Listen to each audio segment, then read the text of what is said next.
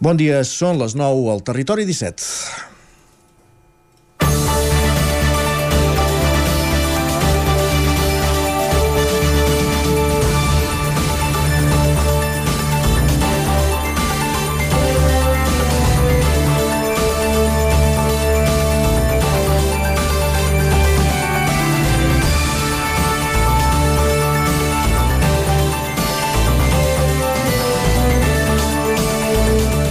El campanar de l'antiga església de Sant Romà de Sau s'ha convertit en icona de la sequera a Catalunya no falta dir-ho. No fa falta dir-ho. Els últims mesos ha sortit a tot arreu. Això ha generat un efecte crida i milers de persones s'han desplaçat fins al pantà per trepitjar el poble que va quedar negat per les aigües ara fa 60 anys.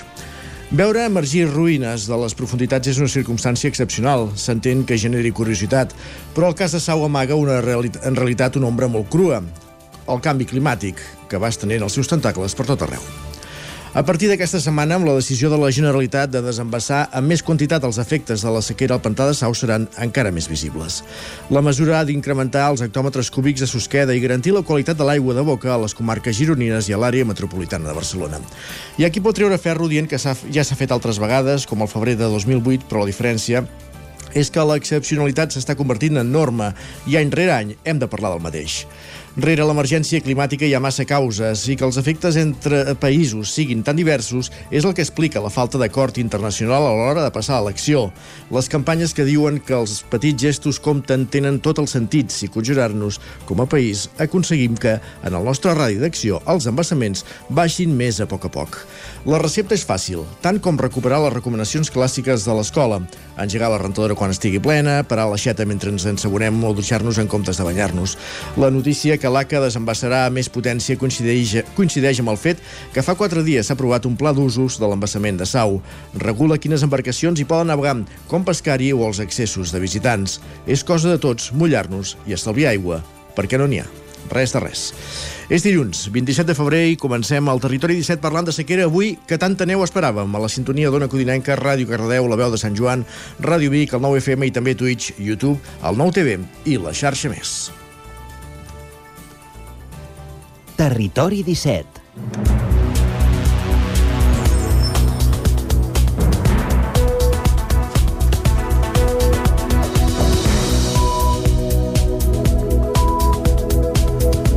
Gairebé 3 minuts passen de les 9 del matí d'aquest dilluns 27 de febrer en el moment de començar el territori 17, el magazín de les comarques del Vallès Oriental, l'Osona, el Ripollès i el Moianès que us farà companyia des d'ara fins al punt de les 11 durant dues hores. De quina manera, amb quins continguts? Us els avancem tot seguit. En aquesta primera mitja hora ens dedicarem, aprofundirem en les notícies més destacades de les nostres comarques. També farem un cop d'ull a la previsió del temps i farem balanç del que ha estat el cap de setmana meteorològicament parlant, com sempre, amb en Pep Acosta, des d'Ona Codinenca, i anirem al quiosc. Avui la Clàudia Dinarès serà qui ens farà el recull de diaris a les portades just abans de la pausa de dos quarts de deu, hora en què, com cada dia, pujarem a l'R3, a la Trenc d'Alba, amb l'Isaac Muntades recollint les cròniques dels oferts usuaris de la línia R3, de la línia de tren Barcelona-Vic-Ripoll-Puigcerdà. A l'entrevista anirem fins a Vigues i Riells del FAI per parlar amb Carles Barcons, propietari i director de l'hotel Molí de la Torre de Vigues i Riells. Més qüestions. Els solidaris avui parlarem de Covid. Ho farà la Laura Serrat, com cada dilluns, des de Ràdio Vic i arribarem al punt de les 10 amb música. Notícies a les 10, la previsió del temps i esports. Serà moment de repassar com ha estat, com ha anat el cap de setmana esportivament parlant pels equips i esportistes de les nostres comarques. I també serà esportiva la recta final del programa, ja ho sabeu, a partir de dos quarts d'onze a Twitter i després tertúlia esportiva. Després d'una jornada pèssima pels interessos del Barça, el Maria 1, Barça 0, eh, no van aprofitar l'ensopegada del Madrid a casa davant l'Atlético 1-1, mentre que tant l'Espanyol i el Girona han sumat 3 punts aquest cap de setmana, Bilbao 2, Girona 3 i Espanyol 2, Mallorca 1. De tot plegat en parlarem a la tertúlia esportiva, com dèiem, a partir de la darrera mitja hora del territori 17 d'avui, a partir de dos quarts d'onze.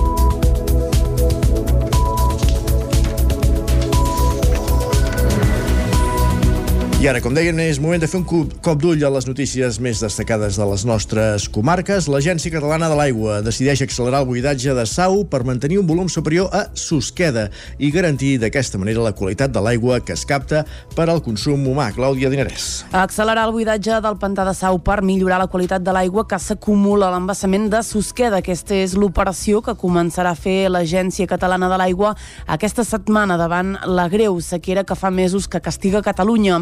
El joc de volums d'aigua entre els dos grans embassaments del riu Ter és habitual en la gestió d'avingudes, però ara el motiu principal és el de garantir la màxima qualitat de l'aigua que es capta a Susqueda i que permet abastar bona part de la població de les comarques gironines i sobretot l'àrea metropolitana de Barcelona.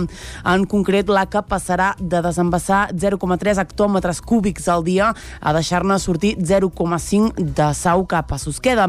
Omplir més Susqueda ha de permetre que la captació a l'embassament de la comarca de la Selva es pugui fer des de les comportes superiors aprofitant que l'aigua superficial tingui una millor qualitat. Des de l'ACA remarquen que aquest desembassament en cap cas s'adopta per la generació d'energia i més tenint en compte que la central hidroelèctrica no turbina des de finals d'octubre. La majoria, la major sortida d'aigua comportarà que si no plou sau es vagi buidant cada vegada més. Des de l'ACA informen que la mesura es mantindrà activa sempre que no es produeixi el fenomen d'estratificació. Això significa arribar a un moment en què la làmina d'aigua és tan escassa que es barreja amb els llots del fons de l'embassament, el que provoca la reducció de la qualitat de l'aigua. Gràcies, Clàudia. Més qüestions. Anem cap al Ripollès perquè divendres va ser un dia calent políticament parlant. Destitueixen el regidor de Ripoll, Joaquim Colomer, perquè, segons l'alcalde Jordi Monell, utilitzava perfils falsos de Twitter per carregar contra l'acció de govern. Junts o el propi alcalde contra l'acció de govern Junts o el propi alcalde. Isaac Muntades, la veu de Sant Joan. La trencadissa entre Junts per Ripoll i el regidor Joaquim Colomer es va materialitzar aquest divendres al matí. L'equip de govern del consistori ripollès, encapçalat per Jordi Monell, va destituir-lo com a quart tinent d'alcalde i cap de l'àrea de serveis al territori, sostenibilitat i empresa al·legant manca de confiança. L'alcalde va comunicar la decisió en una roda de premsa a l'Ajuntament, on hi eren presents diversos regidors del govern, el coordinador del grup comarcal Joan Manso i diversos consellers de Junts del Consell Comarcal. Monell va dir que feia mesos que havien detectat diversos perfils falsos a les xarxes socials que criticaven l'acció de govern de Junts per Ripoll i que també anaven contra regidors de la formació, però que no atacaven les àrees comandades per Colomer al consistori i al Consell. També carregava contra altres grups polítics com el PSC, Esquerra o la CUP. Alguns atacs van coincidir en el moment de la proclamació de Manoli Vega com a candidata. L'alerta va sorgir quan van descobrir que la persona que hi havia al darrere dels comptes publicava coses que s'aprovaven al ple o en junta de govern. Algunes de les piulades remunten al 2017 i Monell va confirmar que el compte del cabró de raça ripollesa pertanyia a Colomer. Segons van comprovar els informàtics de la casa, ja que es tractava d'un telèfon registrat a l'Ajuntament. Parlament. Això en deia Monell. En aquest cas, aplicat al meu cas, de que jo havia fet tripijocs econòmics amb alguna cosa, dius, això ja és una acusació de malversació que escolta, no estic disposat a suportar ni admetre i per tant vaig advertir que si això no sortia doncs algú retractava o que demanava perdó o que això s'arreglava, doncs jo no acabaria aquí i que per tant això també posia en coneixement de les autoritats perquè en tot cas se m'està acusant d'una cosa que jo no he fet i per tant a, a, a tres mesos d'unes eleccions penso que és molt tendenciós tendenciós i eh, de ser molt mal parida o molt mal parit la persona en qüestió. Dijous al vespre es va comunicar al secretari que se'l feia fora i divendres Monell signava el decret de destitució que feia que Colomer passés a ser un regidor no adscrit. Les seves àrees i representacions passaven al regidor Josep i Manoli Vega i es faran efectives al ple d'aquest dimarts. Se li va tallar la línia de telèfon i se li va dir que el tornés, però l'alcalde va dir que no ho havia fet. Monell va dir que hi havia límits ètics que no es podien traspassar i que no el volien al seu equip. Colomer va negar les acusacions i va dir que aquest compte de Twitter s'havia creat al maig del 2018 i que llavors no tenia cap problemàtica amb els afectats. A més a més, va apuntar que el compte no piulava des del 7 de juliol de l'any passat i que si fos ell, ara és quan estaria més actiu. També posava d'exemple una piulada del 6 de desembre del 2020 on se'l criticava ell. Depèn d'allò que se l'acusi no descarta posar una denúncia. Colomer va assegurar que es va assabentar del seu cessament pel secretari municipal i va confirmar el distanciament amb Junts. Jo sempre he estat, i des de fa temps, i ja ho he dit, eh, per activa i per passiva, que he de fugir dels partits polítics. A mi el que m'agrada és fer municipalisme i comarcalisme fora de partits polítics. Això m'ha distanciat doncs, d'alguns doncs, actors, alguns factòtums polítics de la nostra comarca o de, del municipi i a partir d'aquí hi ha hagut la reacció que hi ha hagut. Colomer va dir que faria una oposició constructiva i que només volia treballar per Ripoll. En tot cas, el fet que vulgui postular-se com a alcaldable amb una llista independent sembla que no seria el motiu de la seva destitució, ja que els rumors ja venen des de fa mesos segons Monell.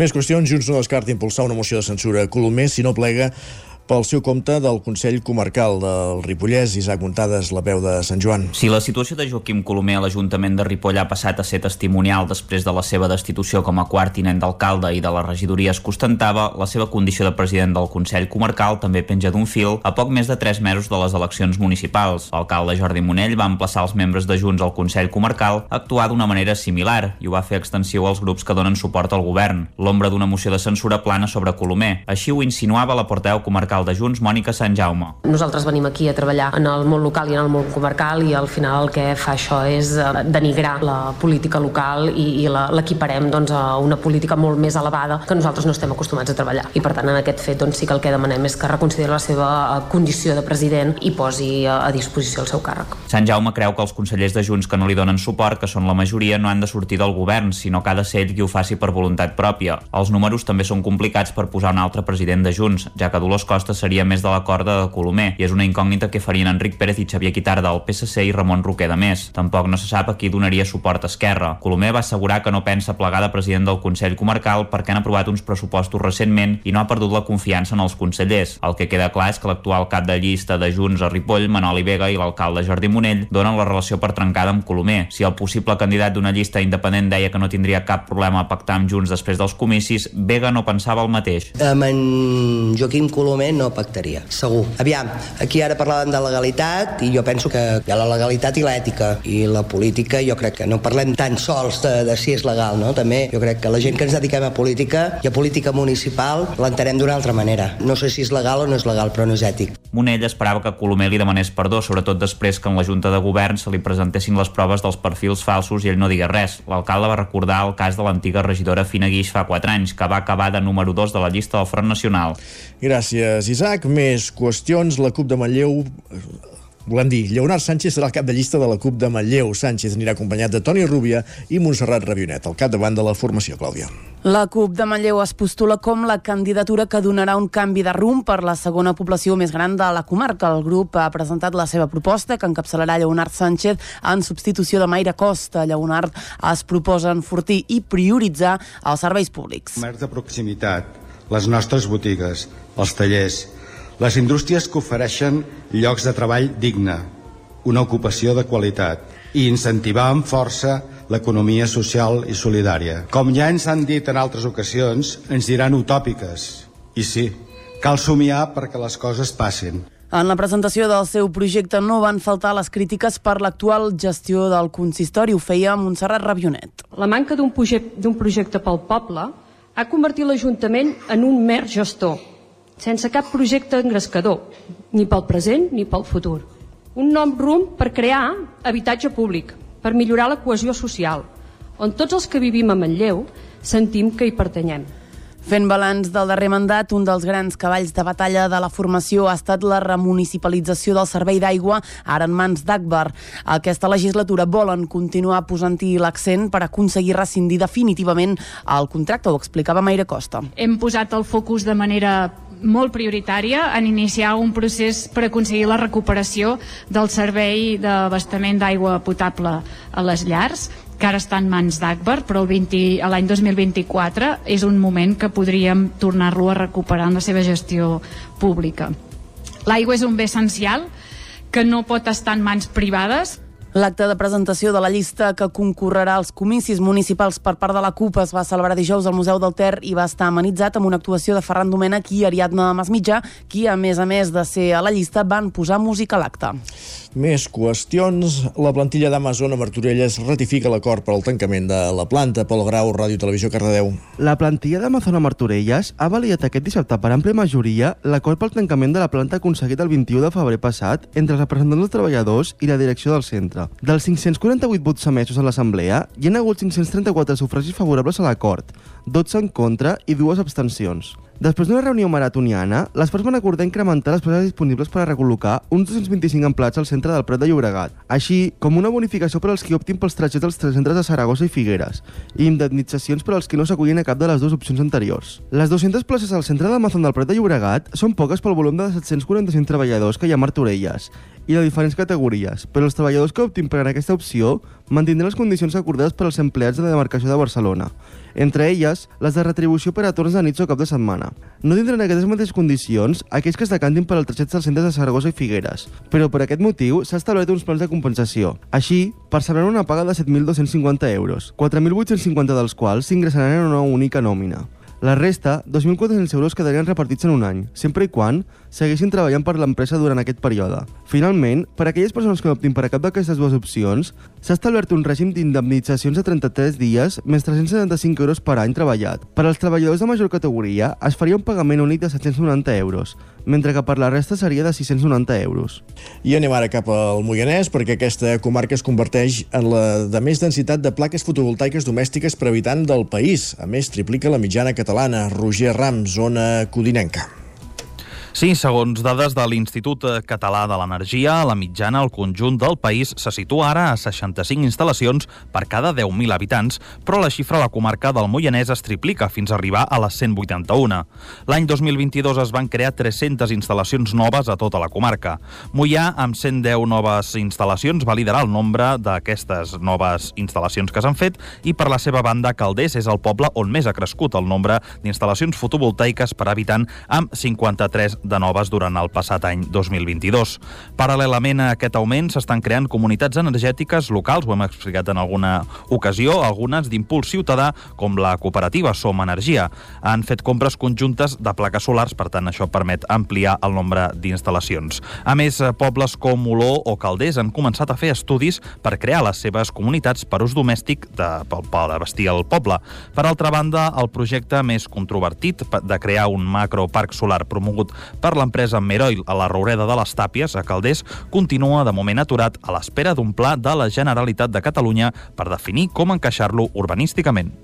Gràcies, Roger. I un últim apunt, perquè Endesa ha canviat a Folgueroles per primera vegada els suports de fusta per uns de polièster en fibra de vidre molt més resistents també per a les inclemències del temps. La setmana passada tècnics de la companyia treballaven amb camions grua a la línia elèctrica que passa per Folgueroles. Són suports que duren més temps que els pals de fusta i que vol posar fi al problema dels pigots, uns ocells molt territorials que durant anys s'han dedicat a foradar els pals de fusta. Els nous suports, també de color marró perquè l'impacte visual sigui menor, seran més resistents a les inclemències del temps. Aquests pals són els primers que s'instal·len a Osona. La companyia assegura que anualment es faran inspeccions i manteniment a les línies que travessen la comarca i, per tant, s'aniran substituint. Està previst que aquest mes de març se'n canviïn a la zona de Viladrau. Gràcies, Clàudia. Acabem aquí aquest repàs informatiu que començàvem al punt de les 9 en companyia de Clàudia Dinarès, Roger Rams, Isaac Muntades i Pol Grau. És moment al territori 17 de saludar també el nostre home del temps, en Pep Acosta.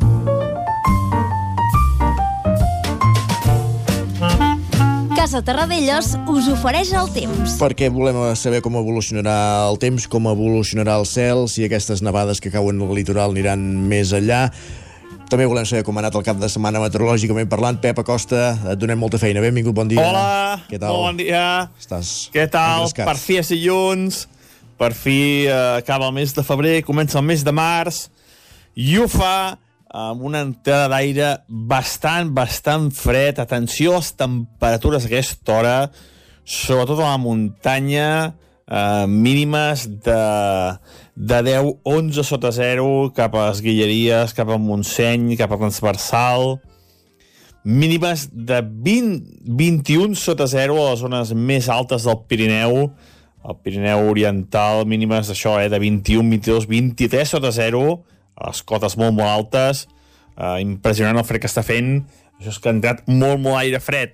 I la nota més destacada aquesta nit han estat les petites nevades que s'han produït a moltes zones del prelitoral i del litoral. Fins i tot eh, ha baixat la neu a cota, a cota zero, eh? Per tant, eh, una nit de, de neu, eh, tot i les nevades han estat febles. En algun lloc eh, ha quedat, ha quedat blanc, eh, per sol uns 200-300 metres, eh? eh? Per tant, una bona, una bona nevada. Eh, feia molts anys que no nevava així al litoral i al prelitoral, eh? tot i que ha sigut una nevada més que anecdòtica, que no està provocant gaires, gaires eh, problemes, per no dir eh, cap, cap problema. Um, el cap de setmana eh, ha anat plovent, ha anat plovent, eh, en algunes zones ha plogut de 5 i 10 litres, eh, mica en mica es, anem fent pessigolles a la sequera, eh? eh? no solucionem ni de bon tros, però bueno, mica en mica eh, aquesta puja és molt bona, es va infiltrant i aviam si mica mica podem solucionar aquesta greu sequera que, que tenim a, a casa nostra. Uh, avui serà un dia, com deia, uh, molt fred, molt fred, molt fred, molt fred, un dels, un dels dies més freds de l'any. Uh, Sempre alta muntanya, les mínimes són les temperatures més baixes de, tota, de tot l'hivern.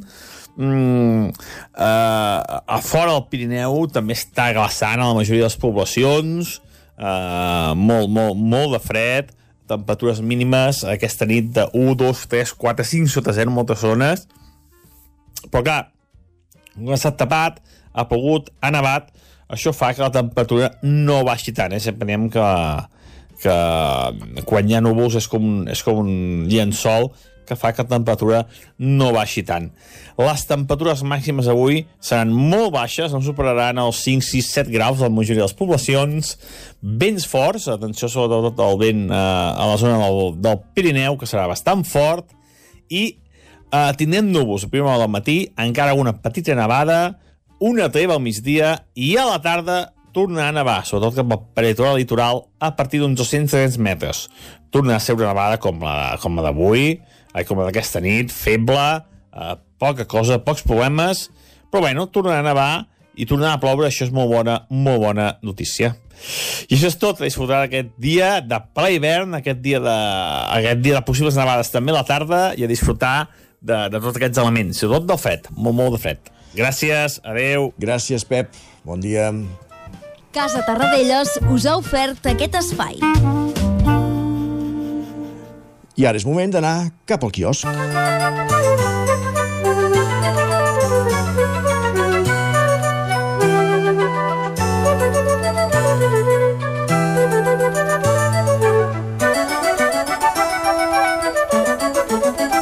Moment d'anar cap al quiosc, com fem cada dia, el que excepcional fem, excepcionalment fem els dilluns i el divendres és començar aquest repàs a les portades, per les portades del 9-9, Clàudia.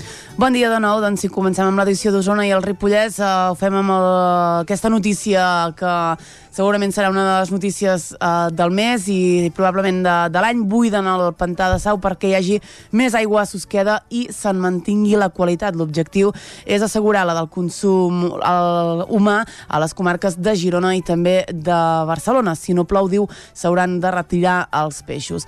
Altres titulars, ferit greu, un caçador a Santa Maria d'Oló pel tret accidental d'un company. En esports, Manlleu i Voltregà empaten en el derbi de l'hoquei Lliga femenina i el Manlleu s'imposa en el tram final del duel amb Torelló. També ha sigut el tercer gran cap de setmana de carnavals, amb carnavals, per exemple, a Taradell o a Roda de Ter. Anem a l'edició del Vallès Oriental que diu un veí de Granollers ferit crític en desplomar-se a la bastida on treballava, feia feines d'enderroc en un edifici del carrer Miquel Ricomà.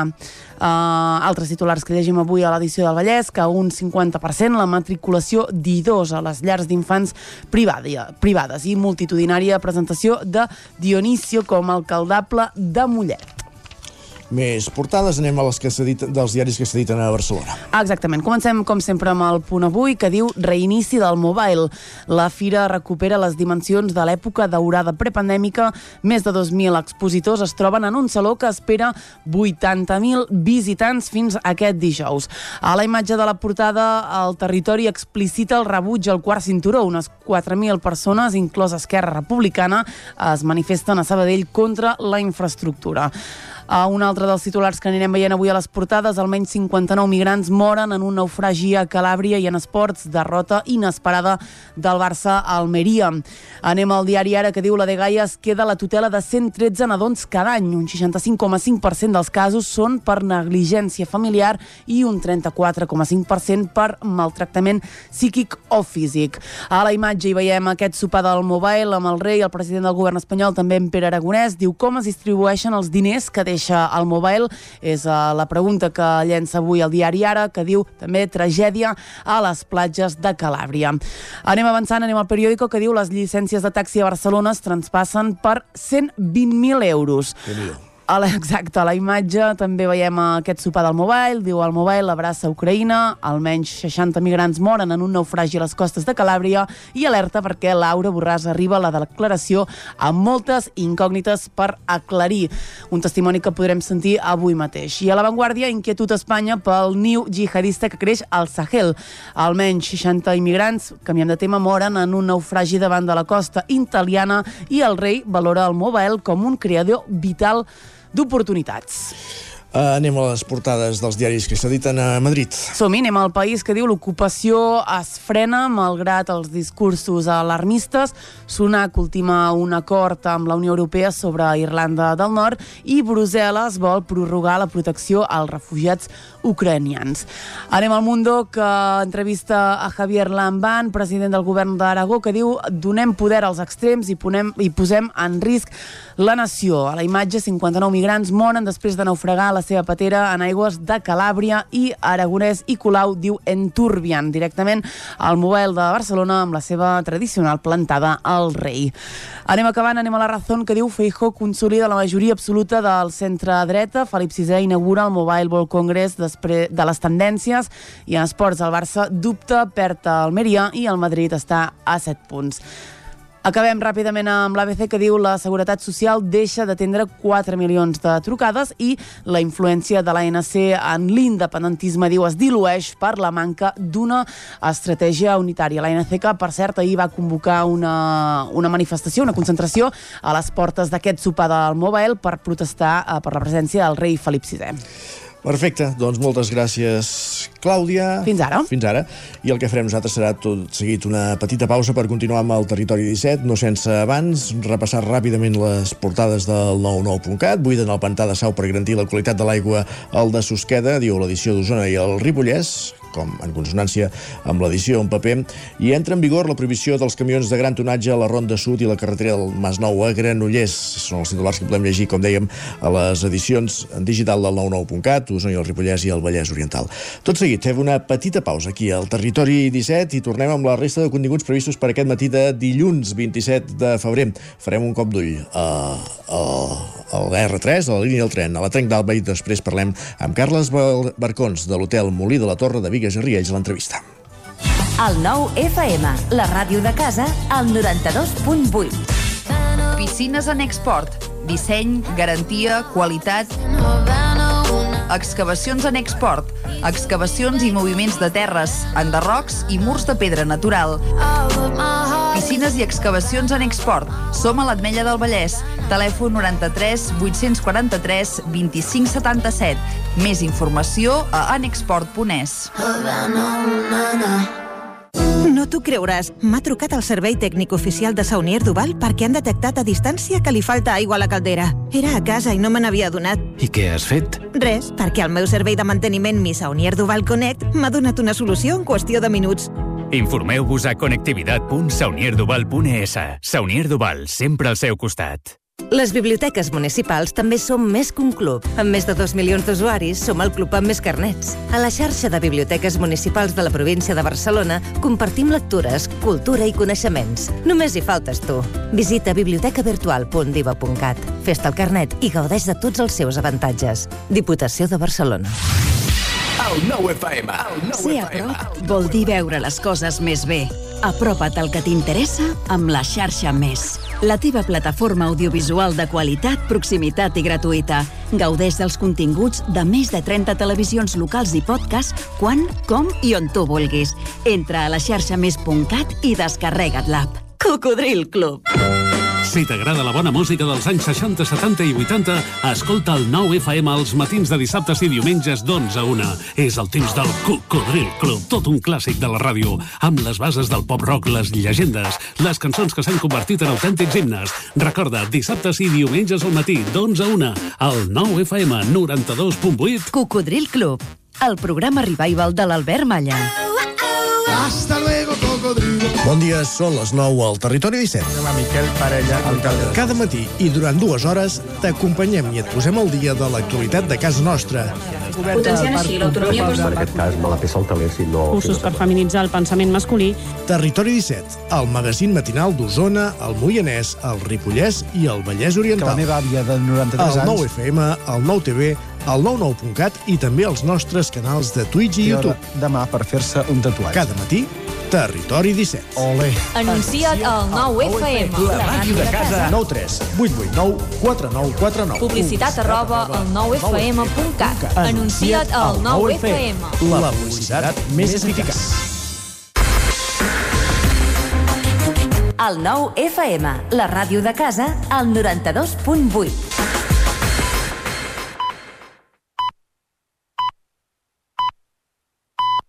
Territori 17.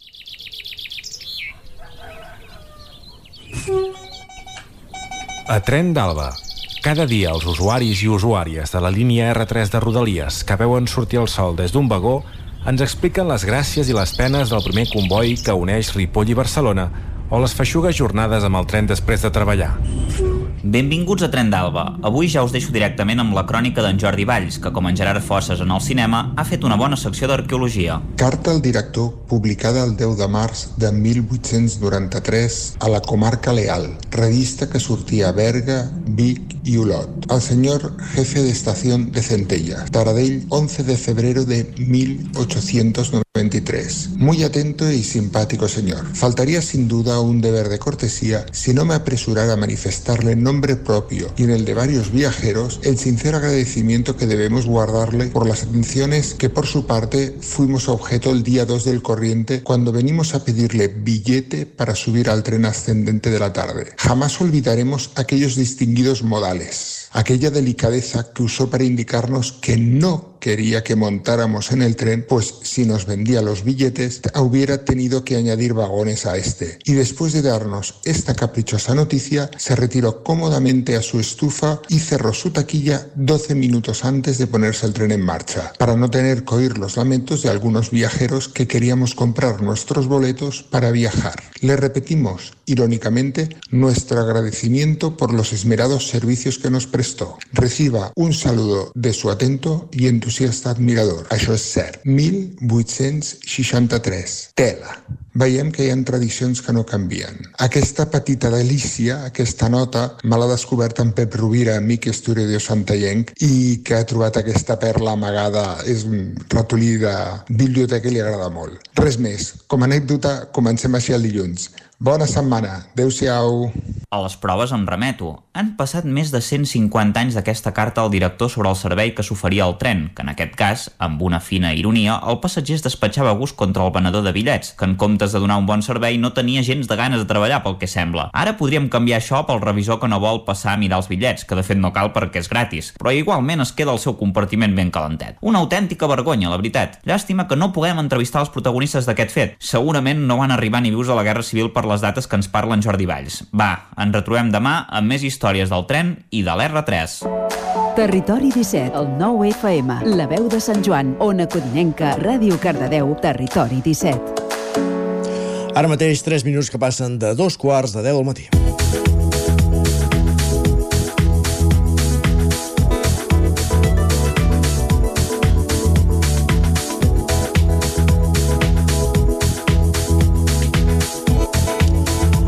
Avui a l'entrevista anem fins a una codinenca per conèixer l'hotel Molí de la Torre de Vigues i Riells del FAI, que recentment ha renovat el segell Biosfer per la gestió sostenible dels establiments turístics.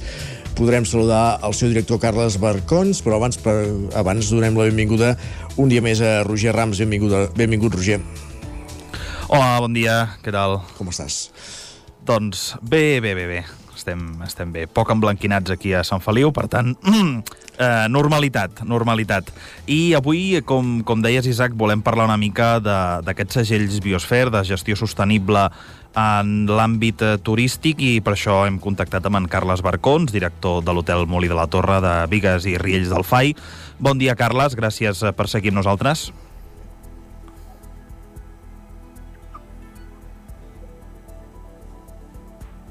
Hola, molt bon dia.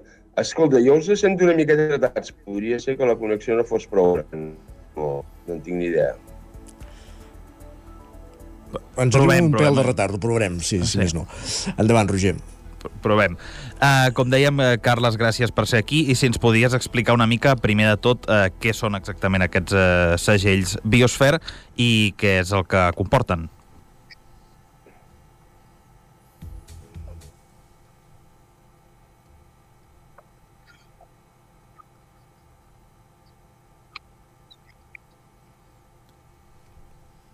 No, no ens sent, Realment Carles, sí, tenim eh? dificultats per, sí. per contactar. Em sap greu, però no, no tinc ni idea de quin problema hi ha. Eh? No nostre. Tinc d'intentar canviar inclús de lloc una miqueta, aviam...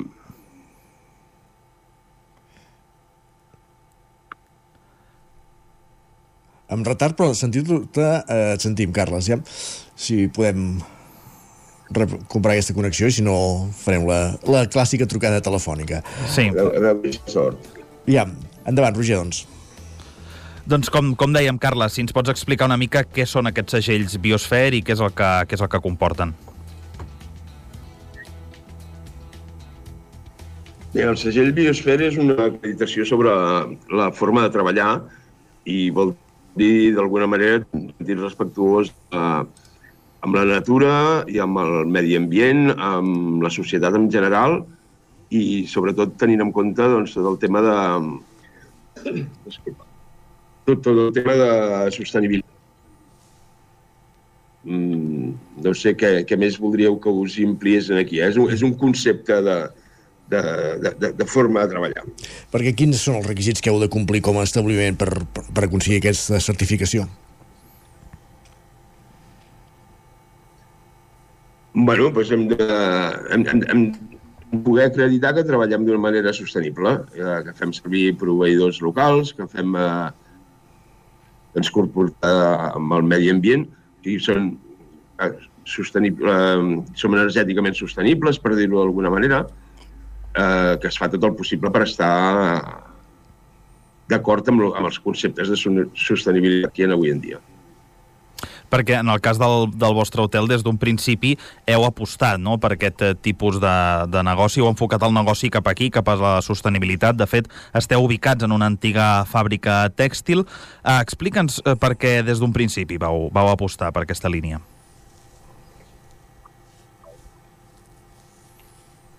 Uh, a veure's, uh, no sé, són les maneres de ser de cadascú. Uh, jo vaig decidir que, que hi havia la possibilitat de comprar un edifici que estava situat darrere on vivíem nosaltres, que era, havia sigut un molí des del segle XII fins al segle XIX. A partir del segle XIX va ser una fàbrica textil i aquest edifici estava a, a l'abandó. Llavors, eh, d'alguna manera, la, la idea va ser, doncs, bueno, jo, jo soc doctor en enginyeria química, havia treballat com a enginyer de processos a, a diverses empreses i viatjava molt i vaig decidir doncs, buscar alguna cosa que, que no, no m'impliqués eh, viatjar tant, estar fora de casa, treballar les hores que treballava i tot això, per fer, eh, explorar la possibilitat, diguem, si es podia convertir aquest edifici en un hotel. Uh -huh.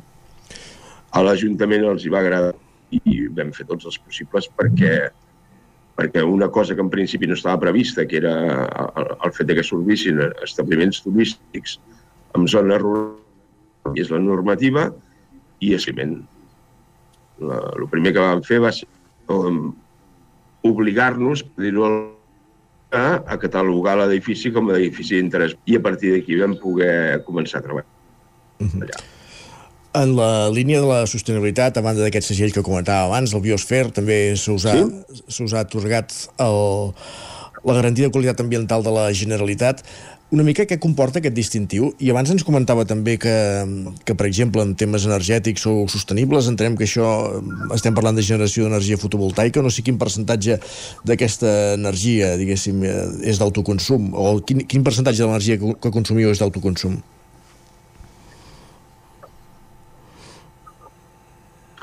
A veure, eh, nosaltres el 2006 vam muntar un sostre solar fotovoltaic, eh, però en aquells moments no estava previst que això fos per autoconsum, entre altres coses perquè era extremadament car uh -huh.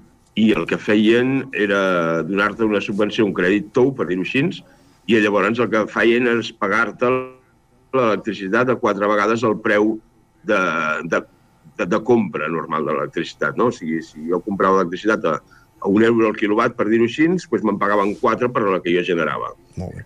Clar, aquest, aquest sostre que jo vaig muntar en el seu moment ens va costar 112.000 euros, més IVA. Aquest sostre ara muntat nou estaria al voltat dels 25.000. Eh, la diferència és molt gran i, i es justifica per el, que, per, per el preu que nosaltres estem cobrant l'electricitat en aquest moment. Clar, si jo faig servir com a autoconsum i de veure plus que, que ens mereixem com a, com a inversor en aquell moment, és rentable una altra cosa seria que ara nostre nou en un altre lloc i pogués tenir com a autoconsum, no? Però clar, no, no seria rendible ara, per dir-ho així, tenir autoconsum. Mm -hmm. També ens eh, comentava ara l'Isaac el tema de, del distintiu de la, de la Generalitat de qualitat ambiental. Eh, Explica'ns, si, si pots, Carles, qui, què comporta exactament aquest eh, altre distintiu, en aquest cas atorgat per la Generalitat?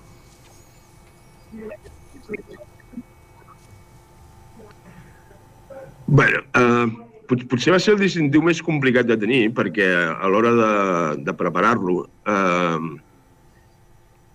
com t'ho diria, t'exigeix molt, moltes coses i, i molts anàlisis i molts números, no? Eh, a, a l'hora de fer distintiu de garantia de qualitat ambiental. Una vegada ja el tens i només s'ha d'anar renovant, eh, el que ens ha permès és que ens sigui molt més fàcil tenir el distintiu Biosphere. Per què? Pues perquè tota aquesta sèrie de paràmetres, el fet de tenir aquest distintiu de garantia de qualitat, pues, pràcticament el, el Biosphere. El Biosphere què comporta? El Biosphere el que comporta, a més a més, d'alguna manera, és que has d'anar fent millores cada any. Cada any t'has d'implicar una miqueta més, cada any has d'anar eh, fent tota una sèrie de, de coses que signifiquin una millora. Que no, no, no, no és gaire complicat a nosaltres perquè el que sempre hem volgut és anar, anar millorant, no? Amb la qual simplement es tracta d'anar notant les coses que fem, tenir una mica de... O sigui, ten, tenir formació també amb el tema Biosphere, amb el tema sostenibilitat, amb el tema de fer accessibles uh, les instal·lacions a, a gent i doncs una sèrie de dificultats. O sigui, anar transformant l'establiment perquè cada vegada estigui més, més avançat amb els, amb els tòpics eh, reals aquests de la, de la sostenibilitat, de l'accessibilitat, de, de, del, com, com t'ho diria, de la relació entre el que és el propi establiment, la pròpia empresa i que anem al municipi de Vic. Uh, anem acabant. Uh, estem parlant amb Carles Barcons, propietari i director de l'hotel Molí de la Torre de, de Vigues i Riells. El vostre sector, el de l'hostaleria, sens dubte va ser un dels més castigats durant la pandèmia, perquè vau haver de, de tancar uh, i, i van ser els sectors que, que més tard segurament vau, vau reprendre l'activitat. La, com, com s'ha viscut i com s'està visquent la postpandèmia, diguéssim? Hi, hi havia ganes de, de tornar a l'activitat per part de, dels clients, diguéssim? Hi havia eh, eufòria, diguéssim, un cop es van aixecar les restriccions? Sí, jo, jo diria que sí, o sigui, de fet, no és important eh, el que respecta al 2019 i ara al 2022 i 2023 de fet, el 2021 ja pràcticament vam, vam xifres que 2022 2020 eh, per hem perdut aquesta del que teníem que anaven a casaments a, a Can Nues i Can Travé, que són dos restaurants, però per altra banda ni de, eh, i això ens ha ajudat doncs, a, a, a bastant, bastant bé i bastant consolidada, creiem. Uh, Carles Barcons, com bé dèiem, propietari i director del Molí de la Torre de Vigues i Riells. Gràcies per ser avui aquí al Territori 17. Uh, eh, hem parlat d'aquest segell, d'aquest certificat ambiental que, que renova el seu establiment, el Bioesfer, i una mica de, de, de l'activitat. Gràcies per acompanyar-nos. Mm -hmm moltíssimes gràcies a vosaltres per l'interès mostrat per, a, tant per nosaltres com pel Biosfera en general. Gràcies, bon Tingueu dia. molt bon dia. Igualment. Gràcies també, Roger. Gràcies, fins ara, parlem.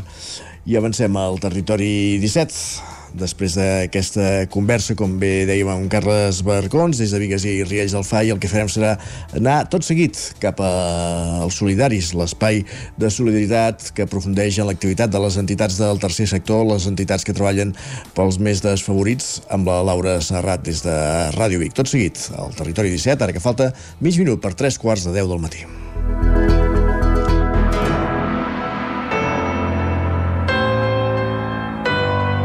Territori, Territori 17. 17. Territori 17.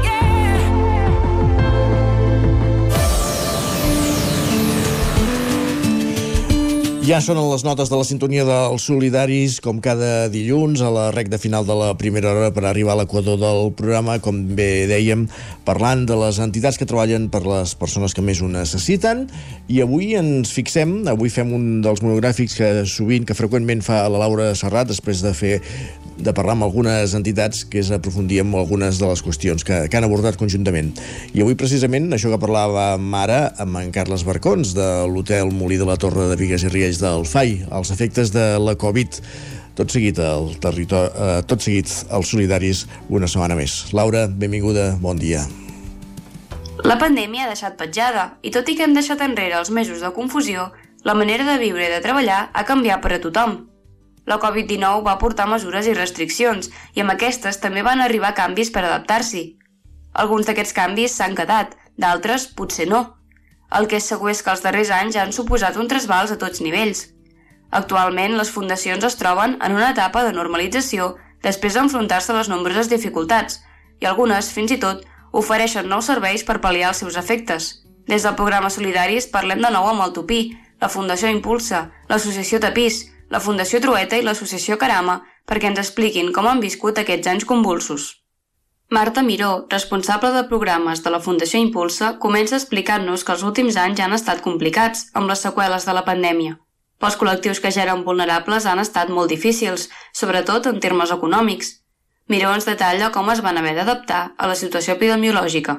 Bé, doncs el Covid jo crec que ens ha obligat una part de digitalització molt important, de poder adaptar tota la nostra activitat a haver-la de fer no? amb més distància de la que ens agradaria, perquè al final les entitats que tractem amb persones, doncs el fet que, que hi hagi aquesta part de virtualitat no deixa de posar no? una distància que en certs moments no és l'òptima per poder treballar alguns aspectes, però també és veritat que ens ha pogut aportar algunes coses bones, poder seguir innovant i millorant en alguns aspectes a nivell de formacions, per exemple, no? de poder oferir més sessions en horaris diferents, en el cas, per exemple, dels mentors, no? que d'aquesta manera ens permet que puguin assistir a més formacions i en el cas dels joves doncs, també poder-ho incorporar en el nostre dia a dia del seu seguiment. No? Ells són qui ho té més integrat, tota aquesta part digital, i per tant doncs, també ens ha estat un repte per nosaltres i intentant treure aquells aspectes positius d'una situació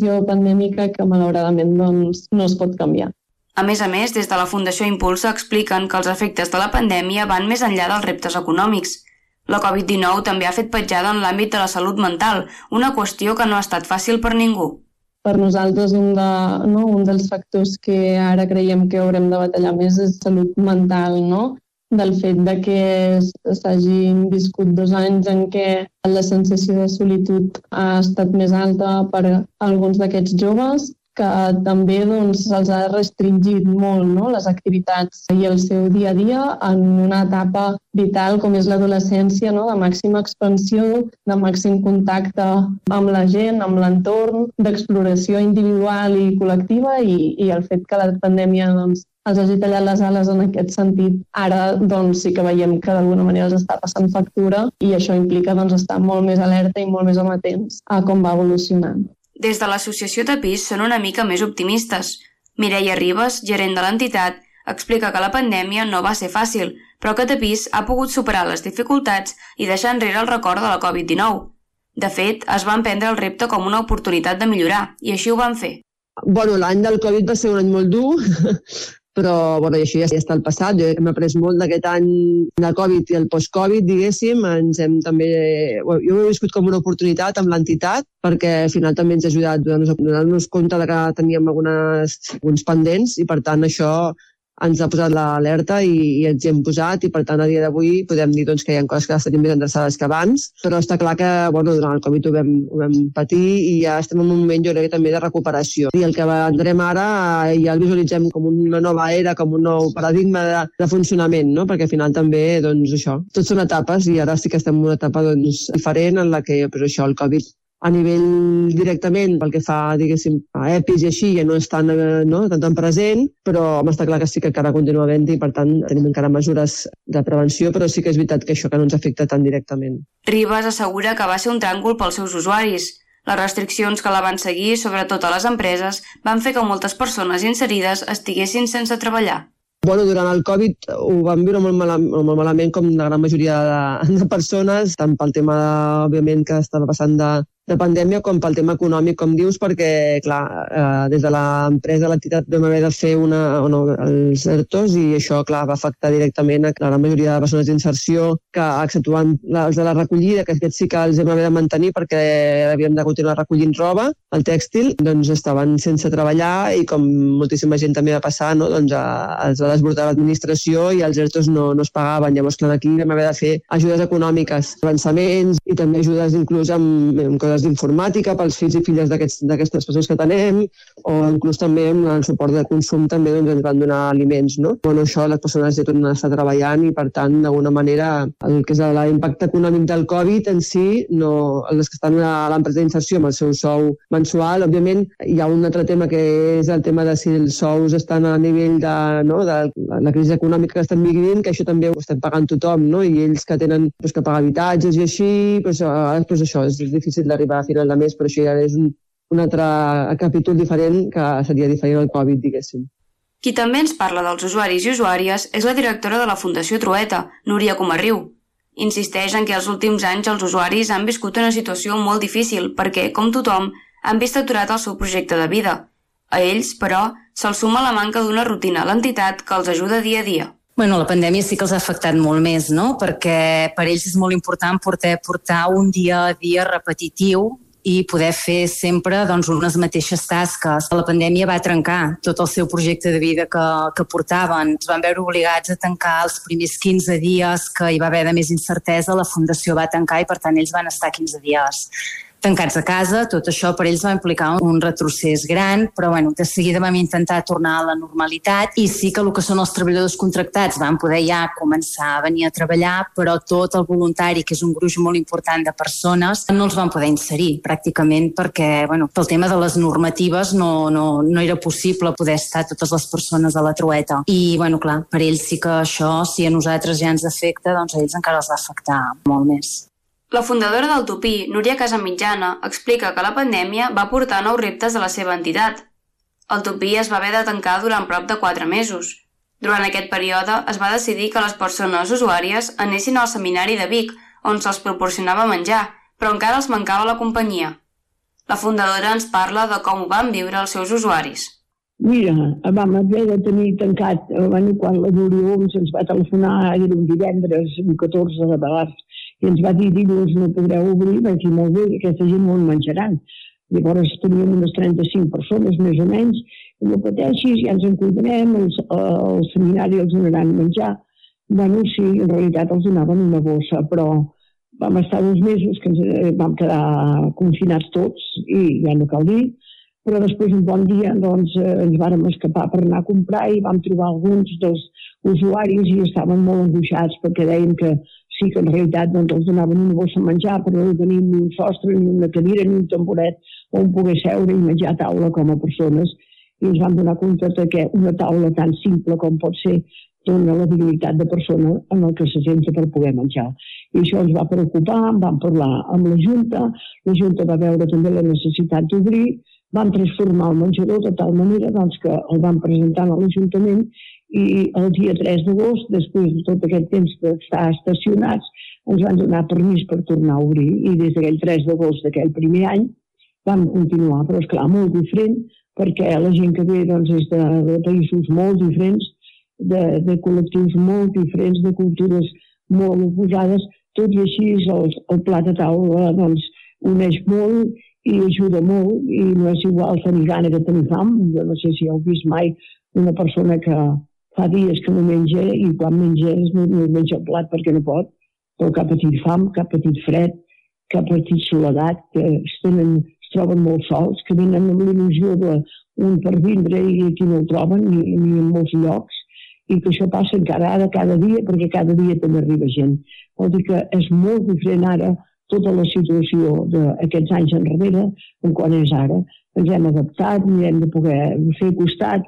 Eh? Quan un marxa no abandona casa no és perquè s'ho passi bé, sinó perquè té molts problemes. Però bueno, si amb alguns els hi podem donar un cop de mà, els podem ajudar i els podem atipar, que això de moment i d'entrada és l'essencial, l'altre, doncs, fem el que podem. Rosa Moreno, fundadora de l'associació Carama, explica que a la seva entitat han notat les seqüeles de la pandèmia, la situació dels últims anys ha fet que les donacions vagin en descens i Moreno explica que, alhora, les famílies usuàries han augmentat. A més, ara moltes d'elles provenen del mateix municipi, Manlleu, o dels voltants, més que d'altres països. Pues la verdad que nos han aumentado las familias. Bueno, como ya sabéis, lo que es la comarca de Osona hay bastante población, bastante inmigración y aquí en Manlleu sabéis que también hay un porcentaje alto de lo que es inmigración y lo que hemos notado que antes de la pandemia sí que es cierto que teníamos este porcentaje de inmigración, pero a raíz de lo de la pandemia sí que han venido muchísimas familias de aquí, de toda la vida, que lo han estado pasando mal con esto, por desgracia, todo lo que ha pasado con el COVID y las seguimos manteniendo. O sea, la situación económica de las familias no es la de antes, ha empeorado todo muchísimo. Tenemos más familias, aún si cabe, de todas las nacionalidades, la verdad. Es fa patent que la pandèmia no ha deixat indiferent a ningú i tot i que també ha portat coses positives, el sector dels serveis socials i la integració ha estat un dels més afectats per les limitacions dels darrers anys. A la nostra comarca, les entitats s'han sabut adaptar a cada passa del camí i han trobat maneres per continuar oferint els seus serveis. El desig d'ajudar les persones vulnerables no l'han deixat enrere en cap moment. Ben al contrari, les ganes de lluitar han crescut. Des d'aquí els desitgem molta sort en aquesta nova etapa de normalització i celebrem que d'altres vals n'hagin pogut treure nous camins. Gràcies, Laura. Un dilluns més per acostar-nos als solidaris aquí a l'antena del Territori 17, aquest espai que cada setmana ens acosteu des de Ràdio Vic. I acabarem aquesta primera hora del Territori 17 d'avui amb música, amb una cançó que sonarà a l'Atlàntida de Vic el proper 10 d'abril, perquè en el marc dels 175 anys del Casino de Vic, el proper 14 d'abril, volem dir, perdó, no 10, el divendres 14, s'ha organitzat un concert amb quatre noms, podríem dir, llegendaris, o que, si més no, són rellevants en la història del Casino de Vic, de la història de la ciutat de Vic, com són Quimi Portet, Joana Serrat, Power Burques i els que escoltem fins a les 10. Doble buble, pecats. L'hivern no el fred ha entrat per sempre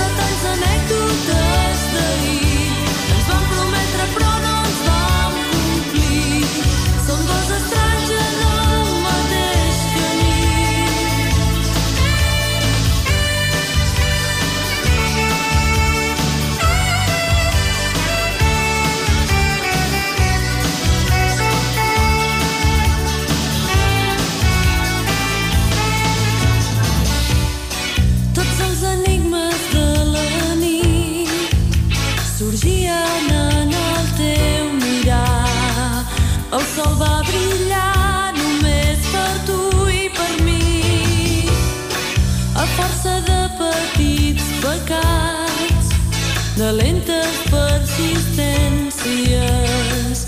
Deixem que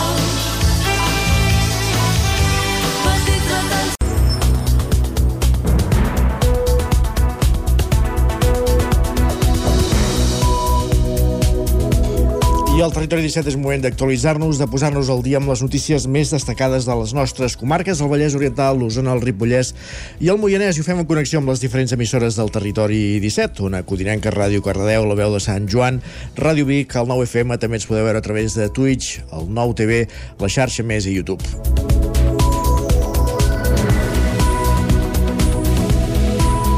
Ara que fa un any de l'esclat de la guerra d'Ucraïna, fem balanç de la situació des del punt de vista de, de la comarca d'Osona. En aquests 12 mesos, a través de la campanya Osona amb Ucraïna, que han coordinat l'ONG Osona amb els nens i el Consell Comarcal d'Osona, s'han acollit prop de 300 refugiats a la comarca. Clàudia Dinarès. Osona ha estat refugi de moltes persones ucraïneses el darrer any des que va esclatar la guerra, tot plegat gràcies al vincle establert els darrers 25 anys entre infants de la zona afectada per la catàstrofe nuclear de Txernòbil que venien als estius a fer estades amb les famílies acollidores de l'ONG Osona amb els nens. En parla la seva presidenta, Mercè Fial. clar, aquests nanos tots han tingut han continuat tenint relacions i amistats i coneixences aquí a la nostra comarca.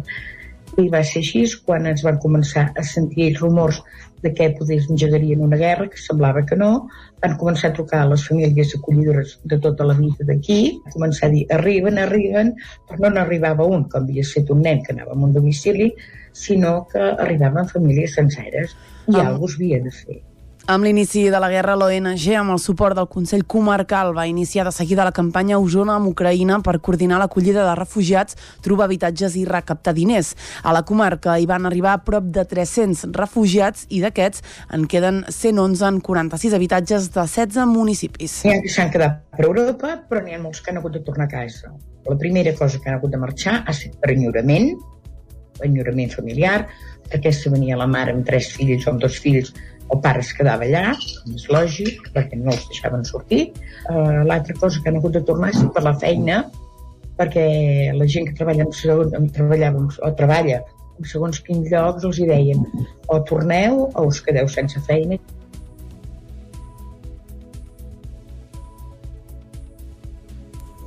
Una de les accions de la campanya va ser la publicació d'un llibre amb les històries de la fugida dels refugiats, del qual ara se'n fa una nova edició en format digital. Ara l'espera que la guerra acabi aviat, només falta que totes aquestes històries que no s'havien d'haver escrit mai puguin completar-se amb un final al màxim feliç possible pels refugiats i també pels éssers estimats que tenen a Ucraïna.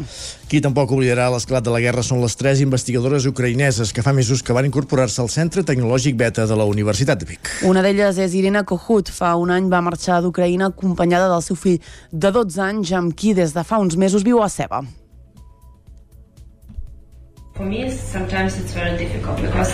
És molt dur. El meu marit és militar i moltes vegades no sé on és ni si està bé. La seva arribada a Osona els va obrir una porta a la seguretat, també a la feina. Kohut és investigadora del Centre Beta de la Universitat de Vic, una feina que comparteix amb la Galina i la Iarina. Totes tres van arribar a Vic gràcies al projecte Science for Ukraine que l'estat espanyol coordina al Centre Beta i que des de l'esclat del conflicte ha permès donar continuïtat a les carreres científiques de centenars de persones d'Ucraïna. Totes tres tenen clar que algun dia tornaran al seu país amb les seves famílies, amb qui des de la distància porten un any connectades. Ho explica la Galina, que ara fa un any va decidir marxar d'Ucraïna amb el seu marit i el seu fill. Tots estem pensant constantment si és possible o no poder tornar a Ucraïna i quina és exactament la situació que es viu al nostre país, però ara per ara sabem que l'opció més racional és quedar-nos aquí. I no només per la seguretat que això suposa, sinó també pel fet que aquí podem treballar i si tornéssim a Ucraïna, el context actual ens portaria a renunciar a la nostra carrera professional. Bàsicament perquè treballar sense llum o sense electricitat seria molt dur. La Iarina està fent la tesi doctoral sobre el disseny arquitectònic de granges verticals. A diferència de les seves companyes, va marxar sola d'Ucraïna. Intenta ser optimista perquè assegura si la seva família està forta, ella també ho ha d'estar. Encara que sembli mentida, la meva família que va quedar-se a Ucraïna continua fent la seva vida. Van a fer el cafè, poden sortir a sopar, a restaurants, sortir a fer esport. La guerra els ha canviat la vida, però intenten tenir una vida normal amb una certa rutina. És diferent, però continua sent casa nostra i la gent encara és capaç de sentir-s'hi bé i sentir-s'hi segura, encara que tots són conscients que la sensació és de falsa seguretat. Des de l'esclat de la guerra per la capital usonenca hi han passat nou científics ucraïnesos. Per alguns, l'estada a Vic els ha servit per fer el salt a altres centres europeus. I més testimonis, Sasha Kilenko és una de les refugiades que s'ha establert a Osona des de fa gairebé un any. Tenia vincle amb una família de Torelló a través de l'ONG Osona amb els nens. Resident a Kiev, la Sasha, de 25 anys, va haver d'afrontar un dels moments amb més excepcionalitat de la seva vida, tornar-se a trobar-se enmig d'una guerra. Divendres va fer un any que, juntament amb la seva mare, Lília, i la seva àvia, la Taissa, van decidir abandonar la ciutat. En el seu pensament tenia clar que passés el que passés es quedaria a Kiev, però l'experiència viscuda la nit del 24 al 25 de febrer de 2022 li va capgirar tot. Y la primera noche de la guerra, de día 24 al- día 25, pasó un misil justamente delante de nuestra ventana. Entonces nos escondíamos en el cuarto de baño y justo en el momento que salimos, entramos en la habitación y vemos este cielo rojo, escuchamos la explosión y me asusté muchísimo y por eso decidimos marchar. Després de marxar de la capital, es van esperar a l'oest del país durant 10 dies per si es calmava la situació, però davant de l'increment de les hostilitats i les necessitats mèdiques de la família, Sasha va activar els seus contactes a Osona per venir cap a Catalunya. I és que dels 6 als 16 anys, ella va ser una de les nenes acollides a la comarca als estius a través de l'ONG Osona amb els nens. Ara porta mesos vivint a Torelló. Ahora eh, vivo a Torelló, en Torelló. eh, con mi madre abuela al- alquilemos un piso. eh, por suerte que puedo seguir trabajando, eh, pod- podía permitérmelo. Ara mateix, Sasha no es veu tornant a Kiev. L'experiència de marxar, segons ella, va ser molt dura. També explica que a Torelló, com més temps passa, millor s'hi troba i la seva mare també s'ha adaptat bé. Qui enyora més, però, al país és l'àvia Taissa. Més qüestions, un operari ferit crític, un operari mort, volem dir, a la caiguda d'una vestida en una obra a Granollers, Pol Grau, Ràdio Televisió, Cardedeu.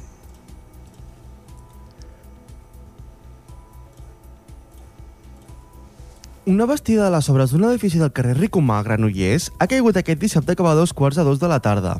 Dos treballadors han quedat atrapats sota i han quedat ferits. Els Mossos de la comissaria de Granollers s'han fet càrrec de la investigació dels fets. Per casos que es desconeixen, hauria caigut part de la façana de l'immoble i això ha tombat la i arrossegat els operaris. Un dels treballadors ha quedat ferit crític i ha estat traslladat en helicòpter a l'Hospital de Sant Pau, a Barcelona. Segons informa el sistema d'emergències mèdiques, l'altre ha quedat ferit menys greu i ha estat traslladat en ambulància a l'Hospital de Granollers. Hi havia dos treballadors més al lloc dels fets que han sortit il·lesos. Tampoc ha quedat afectat cap vianant. Al lloc hi han treballat sis dotacions dels bombers que han hagut de rescatar els dos ferits. També la policia local, Mossos d'Esquadra i cinc ambulàncies i un helicòpter del sistema d'emergències mèdiques. Els fets han passat el tram entre els carrers Navarra i Prat de la Riba, a l'edifici d'un antic gimnàs que està en obres. La mobilització dels serveis d'emergències ha obligat a tallar el carrer del Prat de la Riba una estona. El carrer Ricomà ha quedat tallat fins que l'empresa que fa les obres es faci càrrec de retirar la runa i les restes de la vestida. Gràcies, Pol. Més qüestions. Els Mossos d'Esquadra de la comissaria de Vic detenen dos homes de 32 i 34 anys com a presumptes autors de quatre delictes de robatoris amb força en dos bars i en dos vehicles, Clàudia.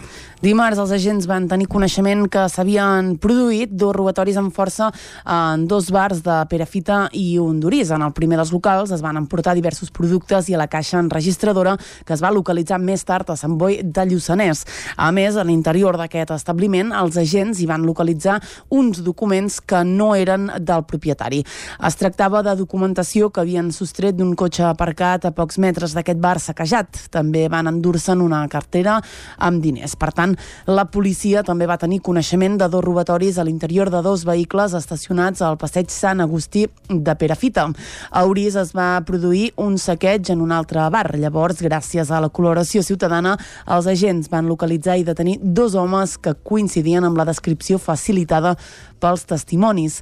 De les gestions dels investigadors, els agents van determinar que els presumptes autors dels quatre robatoris eren les persones detingudes.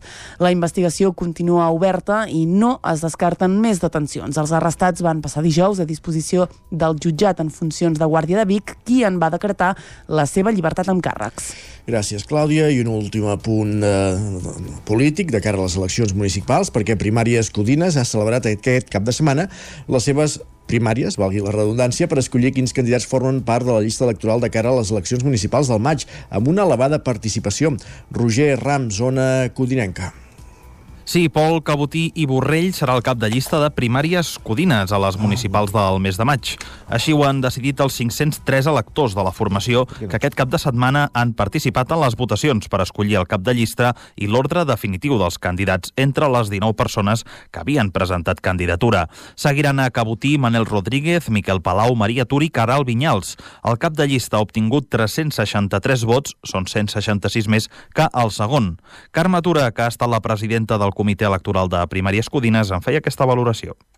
Doncs estem molt contents perquè la participació de la gent ha estat molt favorable, ha vingut força gent i molt bé, tot ha anat perfecte, tant el sistema informàtic, tot, tot, no hi ha hagut cap incident.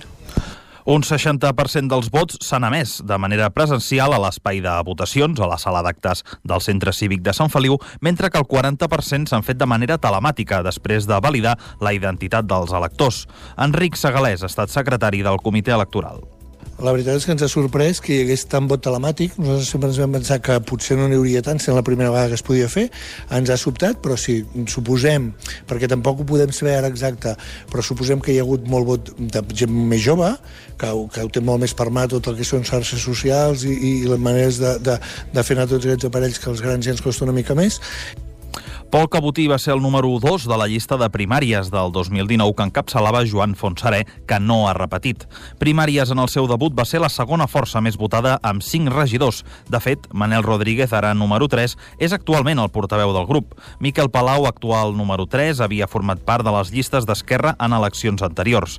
La resta del grup el formen persones que ja havien format part de la llista l'any 2019, com ara Maria Tur i d'altres que debuten en aquestes eleccions, com el cas de Caral Vinyals.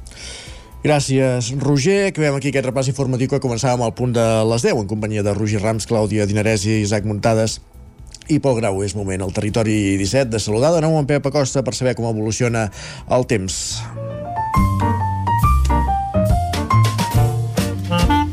Casa Terradellos us ofereix el temps. Tornem a una codinenca, per tant, Pep Acosta, benvingut de nou, bon dia. Hola, molt bon dia. El cap de setmana eh, ha anat plovent, ha anat plovent, eh, en algunes zones ha plogut de 5 i 10 litres, eh, mica en mica es, anem fent pessigolles a la sequera, eh? eh, no solucionem ni de bon tros, però bueno, mica en mica mm, eh, aquesta pluja és molt bona, es va infiltrant i aviam si mica en mica podem solucionar aquesta greu sequera que, que tenim a, a casa nostra.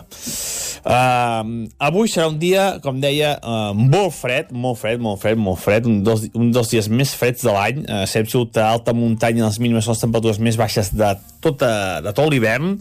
Mm, uh, a fora del Pirineu també està glaçant a la majoria de les poblacions, uh, molt, molt, molt de fred, temperatures mínimes aquesta nit de 1, 2, 3, 4, 5 sota 0 en moltes zones, però clar, com ha estat tapat, ha pogut, ha nevat, això fa que la temperatura no baixi tant, eh? sempre diem que, que quan hi ha núvols és com, és com un llençol que fa que la temperatura no baixi tant. Les temperatures màximes avui seran molt baixes, no superaran els 5, 6, 7 graus de la majoria de les poblacions, vents forts, atenció sobretot al vent eh, a la zona del, del Pirineu, que serà bastant fort, i eh, tindrem núvols a primera hora del matí, encara una petita nevada, una treva al migdia i a la tarda tornarà a nevar, sobretot cap al peritoral litoral, a partir d'uns 200-300 metres. Tornarà a ser una nevada com la, com la d'avui, ai, com aquesta nit, feble, eh, poca cosa, pocs problemes, però bueno, tornarà a nevar i tornarà a ploure, això és molt bona, molt bona notícia. I això és tot, a disfrutar aquest dia de ple hivern, aquest dia de, aquest dia de possibles nevades també a la tarda i a disfrutar de, de tots aquests elements, sobretot del fred, molt, molt de fred. Gràcies, adeu. Gràcies a tu, Pep. Doncs estarem pendents de, del cel. I nosaltres el que fem tot seguit al Territori 17 és parlar d'esports. Casa Tarradellas us ha ofert aquest espai.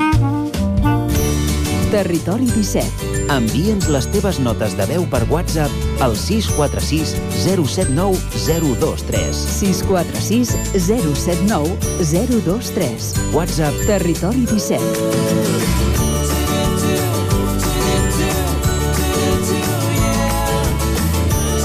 Territori 17.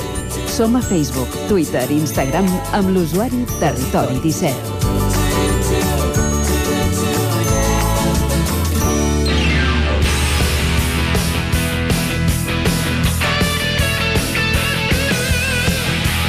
Un quart d'onze del matí, sintonia esportiva al territori 17, moment de parlar d'esports. Divendres us avançàvem l'agenda, ara ja tenim els resultats dels compromisos que us avançàvem i una agenda, un recorregut que fem per les emissores del territori 17 per conèixer l'esdevenir dels partits dels esportistes i equips de les diferents comarques, de les diferents punts de, de, del territori 17. Pol Grau, Ràdio Televisió Cardedeu, bon dia. Bon dia, bon dilluns. Bon dilluns, com ha anat el cap de setmana? Bé, tenim poques derrotes, tenim, tenim tres només. Doncs va. Així que comencem amb futbol, amb el primer equip del Cardedeu, a segona catalana, on va golejar el Molinos per 5 gols a 2, on a la primera part ja els que van veure el partit van, van acabar els van acabar la mitja part amb, un, amb 4 a 2, així que eh, el tenim ben encaminat a la mitja part i els locals, on aconsegueixen la, mantenir la segona posició el Cardedeu a, segons, amb 32 punts, empatat amb el Masnou. A tercera catalana, el filial, el Cardedeu, va guanyar fora de casa contra el Montmeló Unió Esportiva per un gol a 3. Els cardedeuencs que pugen a la novena posició amb 25 punts, empatats amb el Vilamajor, també que va de amb 25 punts. El Llinàs, en canvi, que jugava contra els Cues, contra la, la Torreta, va perdre per 0 gols a 2, on se'ls va, se'ls va escapar, escapar el partit en els últims 20 minuts, ja que els visitants van marcar el 71 i el 90. A primera catalana, el Granollers empata contra el Lloret per un gol a un. Uh, això sí, manté la segona posició amb 34 punts, només a un punt de diferència del tercer, que és el Figueres amb 33. A la Lliga EVA, el, la bàsquet, el Granollers sí que va perdre per 83 a 57 davant el Anagan el Olivar i um, el Llinàs també en bàsquet, en bàsquet va perdre per 60-67 uh, passem en vol el Franklin Granollers que va empatar a fora de casa per, amb 34-34 davant el Bètica Anaïta Asuna on els locals van aconseguir empatar el partit en els últims segons de, del, del partit. I acabem el Franklin Granollers, el femení, el CAC 7, perdó, que va empatar també a casa contra el Costa de Sol de Màlaga per 24 a 24. Perfecte, doncs moltes gràcies, Pol. Fins ara. Continuem aquest recorregut per les emissores del territori 17. Ens espera en Roger Rams a Ona Codinenca. Aquí saludem de nou, Roger. Doncs sí, sí, Isaac, com, com eh, cada dilluns doncs fem un cop d'ull a com ha anat el cap de setmana pels nostres equips i comencem pel futbol. A la primera catalana, el Caldes va perdre aquest diumenge el derbi ballesà, que el va enfrontar al Parets per un gol a 3.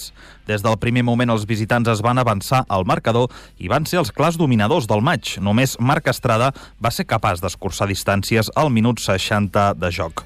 Amb aquest marcador, el Caldes es compliquen molt les coses en aquesta primera catalana i se situa ara setzè, a només 3 punts del descens, que ara marca el Torelló.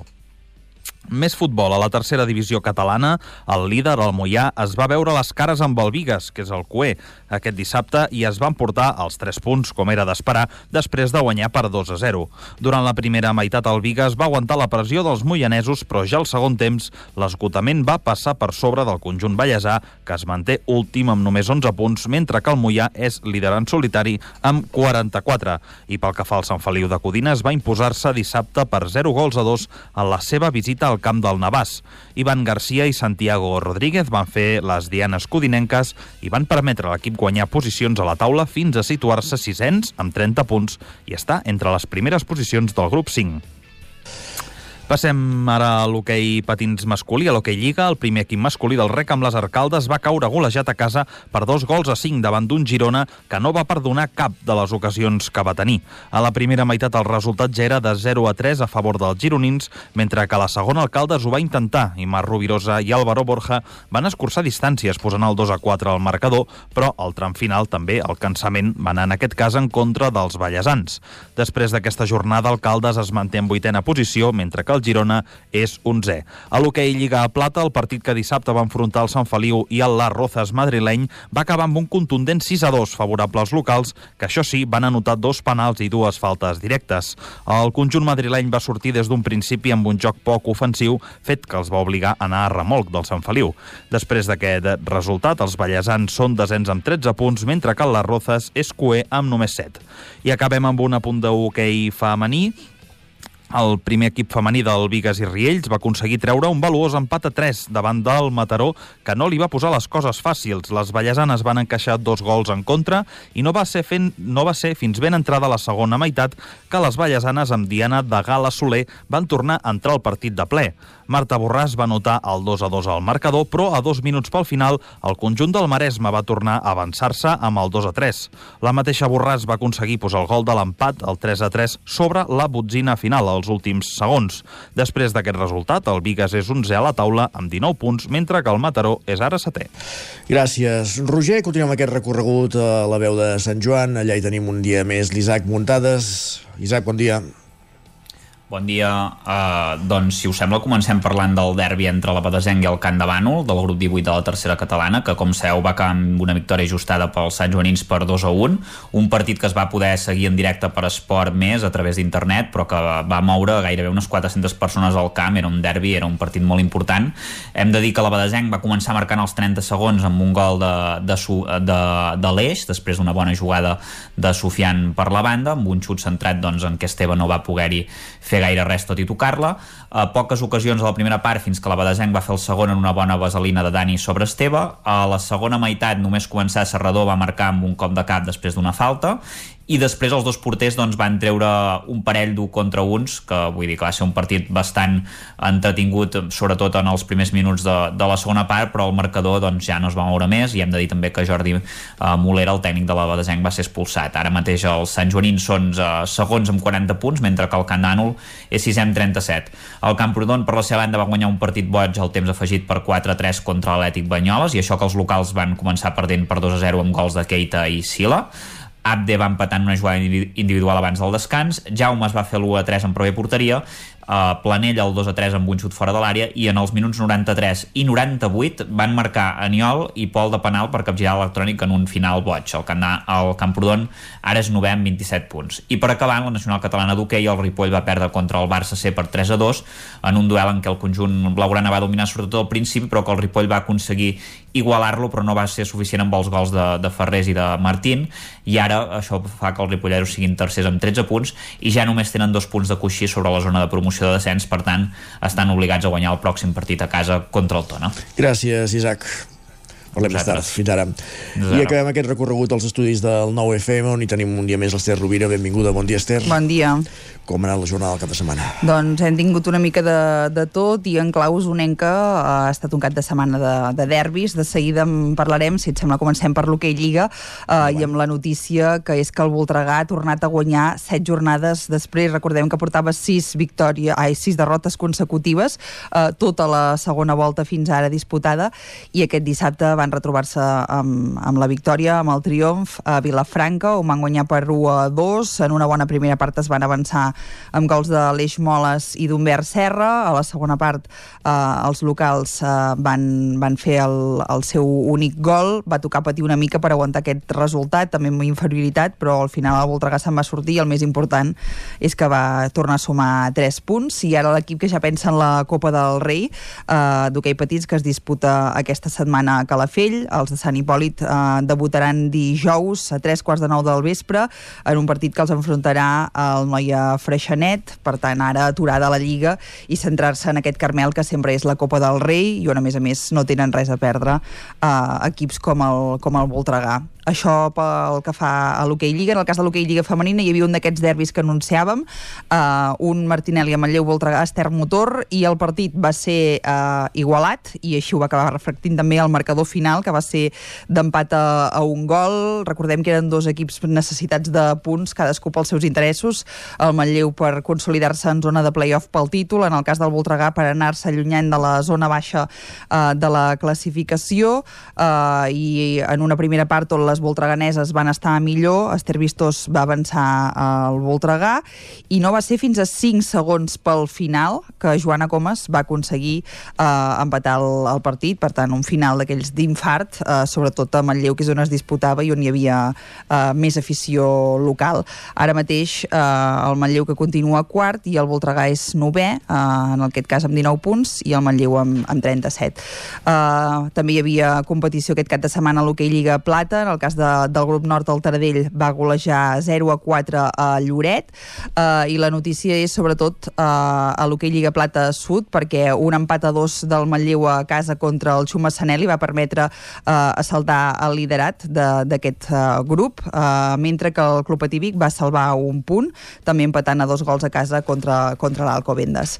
Eh, passem al futbol. A la tercera federació també hi havia notícia. El Tona va tornar a guanyar, com en el cas de, del Voltregà d'hoquei. També ho va fer el Tona de futbol i amb el mateix rival, el Vilafranca, i també a domicili, en aquest cas per 2 a 3, i van trencar eh, la ratxa negativa del, del 2023. També portaven tot l'any sense haver aconseguit una, una victòria i a més a més van guanyar un rival directe a la classificació. Ara són onzens.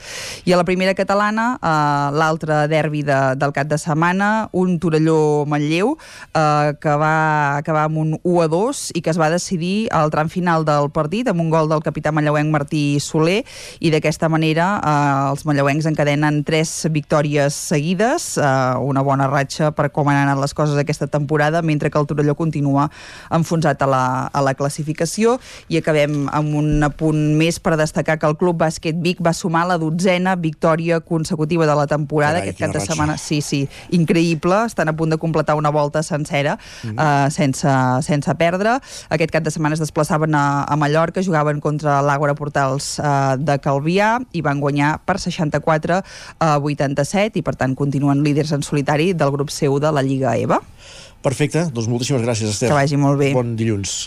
Nosaltres que avancem, tot seguit fem una petita pausa al territori 17, però no marxeu, perquè de seguida tornem amb el més destacat que ha trobat en Guillem Sánchez a Twitter i acte seguit amb la tertúlia esportiva, després d'aquest daltabaix d'ahir del Barça, també del daltabaix a Europa i de la resta de resultats del cap de setmana que analitzarem amb l'Agustí Danés, en Lluís de Planell, Isaac Muntades i en Pol Grau. Tot seguit, com dèiem, però, una petita pausa i tornem d'aquí 3 minutets. El nou FM, la ràdio de casa, al 92.8. Piscines en export. Disseny, garantia, qualitat... Excavacions en export. Excavacions i moviments de terres, enderrocs i murs de pedra natural. Piscines i excavacions en export. Som a l'Atmella del Vallès. Telèfon 93 843 25 77.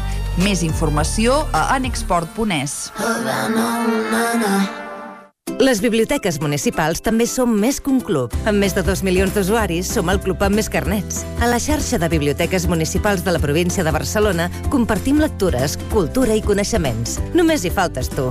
Visita bibliotecavirtual.diva.cat. Fes-te el carnet i gaudeix de tots els seus avantatges. Diputació de Barcelona. Bon dia. Us truco del Servei Tècnic Oficial de Bailand. Hem detectat que la pressió de la seva caldera està baixant. No me n'havia adonat. Com es pot solucionar? Ho resoldrem en uns minuts. No espereu més. Amb el servei de manteniment ServiPlus Connect de Bailand, preocupeu-vos del que realment importa.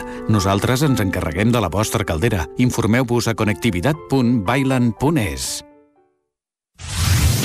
El FM. Ser a prop vol dir veure les coses més bé. Apropa't al que t'interessa amb la xarxa Més. La teva plataforma audiovisual de qualitat, proximitat i gratuïta. Gaudeix dels continguts de més de 30 televisions locals i podcast quan, com i on tu vulguis. Entra a la xarxa més.cat i descarrega't l'app. Cocodril Club. Si t'agrada la bona música dels anys 60, 70 i 80, escolta el 9 FM als matins de dissabtes i diumenges d'11 a 1. És el temps del Cocodril Club, tot un clàssic de la ràdio, amb les bases del pop-rock, les llegendes, les cançons que s'han convertit en autèntics himnes. Recorda, dissabtes i diumenges al matí, d'11 a 1, al 9 FM 92.8. Cocodril Club, el programa revival de l'Albert Malla. Hasta luego. Bon dia, són les 9 al Territori 17. Hola, Miquel Parella, alcalde. Cada matí i durant dues hores t'acompanyem i et posem al dia de l'actualitat de casa nostra. Potenciant així l'autonomia En aquest cas me la peça el teler si no... Usos per feminitzar el pensament masculí. Territori 17, el magazín matinal d'Osona, el Moianès, el Ripollès i el Vallès Oriental. Que la meva àvia de 93 el anys... 9 FM, el 9 TV, el 99.cat i també els nostres canals de Twitch i YouTube. Demà per fer-se un tatuatge. Cada matí, Territori 17. Ole. Anuncia't al 9FM. La màquina de casa. 9 3 8 8 9 4 9 4 9. Publicitat arroba al 9FM.cat. Anuncia't al 9FM. La publicitat més eficaç. El 9FM, la ràdio de casa, al 92.8.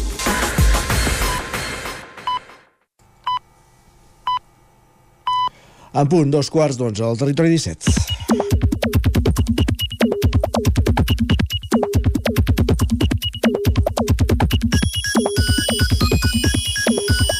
Com a bon dilluns, aquesta sintonia ja ens indica que aquí tenim a l'estudi acompanyant-nos un dilluns més és en Guillem Sánchez. Aquí ja saludem, benvingut Guillem, bon dia. Gràcies, què tal? Bé, i tu, com, com anava el cap de setmana? Uf, Massa intens i massa curt, però... Això és bo, no? però sí, esperem que sí, esperem que sigui així. Tot això m'he lle- m'he llevat amb una mica de desil·lusió, eh, jo, Ai, ai, ai, Isaac? què ha passat, què ha passat? Home, que no hi ha neu, que no hi ha manera de fer un ninot, que no, no, no ens podem divertir per aquí fora al carrer. Vaig trobar colossal, espectacular, la connexió d'ahir al vespre de al TN de TV3. Connectem amb la neu i se'n van anar al coll de Rebell que, que a la mínima que neva sempre hi ha neu allà no, ni allà hi havia neu això sí, hi havia quatre màquines llevaneus a darrere de... Preparades per si de cas. I el, Preparades i el si de reporter va dir està, està a punt de nevar, encara no, encara no ha començat Va, així ens ho plasma també la Gemma per Twitter que ens escriu la desil·lusió dels nens quan es llevin i no hi hagi ni rastre de neu. Allò que quan pujaves, o quan, bueno, quan pujaves la, la persiana, quan eres petit, esperant que tot estigués blanc i no hi havia res de res. Correcte. Doncs és el que es troba, és el que passa avui. Va, i això que ens esperat ens, ens ho trobarem tot blanc a veure si tenim sort, va. I això que ens diu l'Andreu també ho sé fer jo. Diu, tinc una habilitat es- especial que consisteix en estar sempre al lloc del país on no neva. Per això s'hauria de Doncs rebre... jo, jo l'envejo, eh, ja t'ho dic S'haurien de rebre premis per això també. Va, i bona pregunta d'en Biel, que ens planteja què baixa abans, la cota de neu o l'esperança que nevi? Depèn del dia Depèn del dia. Va, i tingueu sempre present aquest apunt de l'Àlex que ens escriu Avui és un bon dia per recordar que en català correcte la neu agafa o pren a terra, però no qualla. Només qualla la llet o la sang en el sentit de coagular. i ens agrada quan colla la llet i en surten grans formatges I tant, va, i la neu ens posa nerviosos a molts, també els mitjans de comunicació, Isaac. Ja. En Xavier ens escriu la flipamenta de la Tele3 per una possible enfarinada de neu, de veritat que no l'entenc.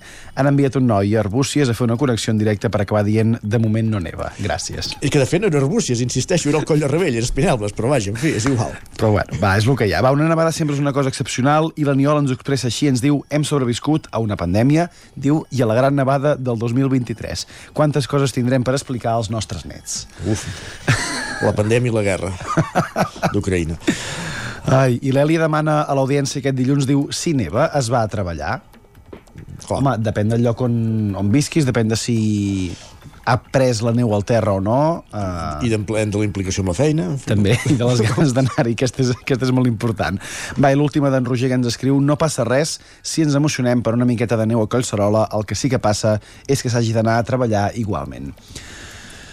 Home, de fet et pots llevar a les 5 del, del matí i anar a veure neu on vulguis. Imagina't a, a, a Finlàndia o a Noruega o a Islàndia si no anessin a treballar cada dia que neva. O si... serien, molt, pa- serien països molt poc productius, eh? O si fessin notícies cada cop que neva en algun Exacte. punt del país.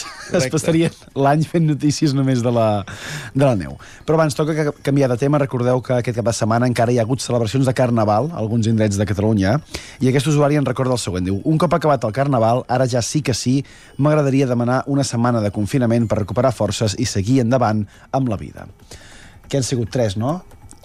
De setmanes de Carnaval. Si Sí. comptem des de Centelles, sí, tres. Correcte, correcte. Massa, massa, massa carnaval. Home, però si, si, si, si ho mirem des de la perspectiva dels tres toms que es fan a l'entorn de Sant Antoni i, i digui que aquest cap de setmana encara han voltat per algun lloc eh, Però no sé si demanen tanta implicació no? com, Ah, com les festes de, de depèn. Carnaval. Aquesta és una altra gran pregunta.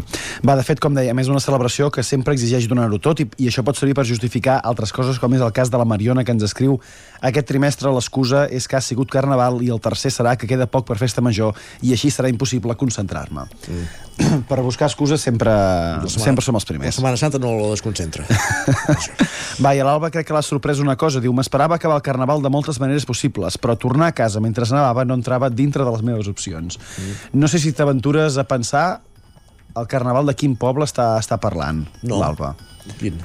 Mollà. Ah, entesos. Doncs Mollà van, van, van tornar a casa nevat. Va, i per acabar, només avui dos apunts futbolístics. Primer el que ens aporta en Jaume. dir. No, no, ningú parla del Carnaval, el del Carnaval d'Almeria? Sí, correcte. En Jaume que ens diu perdre avui ens anirà bé per la Copa. I si perdem a la Copa, ens anirà bé per la Lliga. I pel Gamper, al I final. pel Gamper.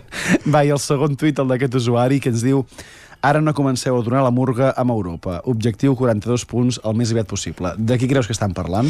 Home, suposo que del Girona. Doncs no. No, no. No? De l'Espanyol. Ah. De l'Espanyol. Bé, suposo que ara ho, ho comentareu tot, per tant, bona tertúlia esportiva, Isaac. Sí, sí, ja tenim aquí a punt el Lluís de Planell, l'Agustí Danés, l'Isaac Muntades i en Pol Grau i de tot això en parlarem tot seguit. Doncs va, a jugar amb la neu, si no. si et vols quedar, ets benvingut també, per això. Anirem a, a, a parlar del Manlleu i del Voltregà d'hoquei, em sembla. Gràcies, Guillem. Va, fins ara. Fins ara. doncs això, avancem al territori 17 i després de les piolades anem cap a l'agenda esportiva. Qui diu agenda, diu tertúlia. Territori 17. El 9 FM, la veu de Sant Joan, Ona Codinenca, Ràdio Cardedeu. Territori 17.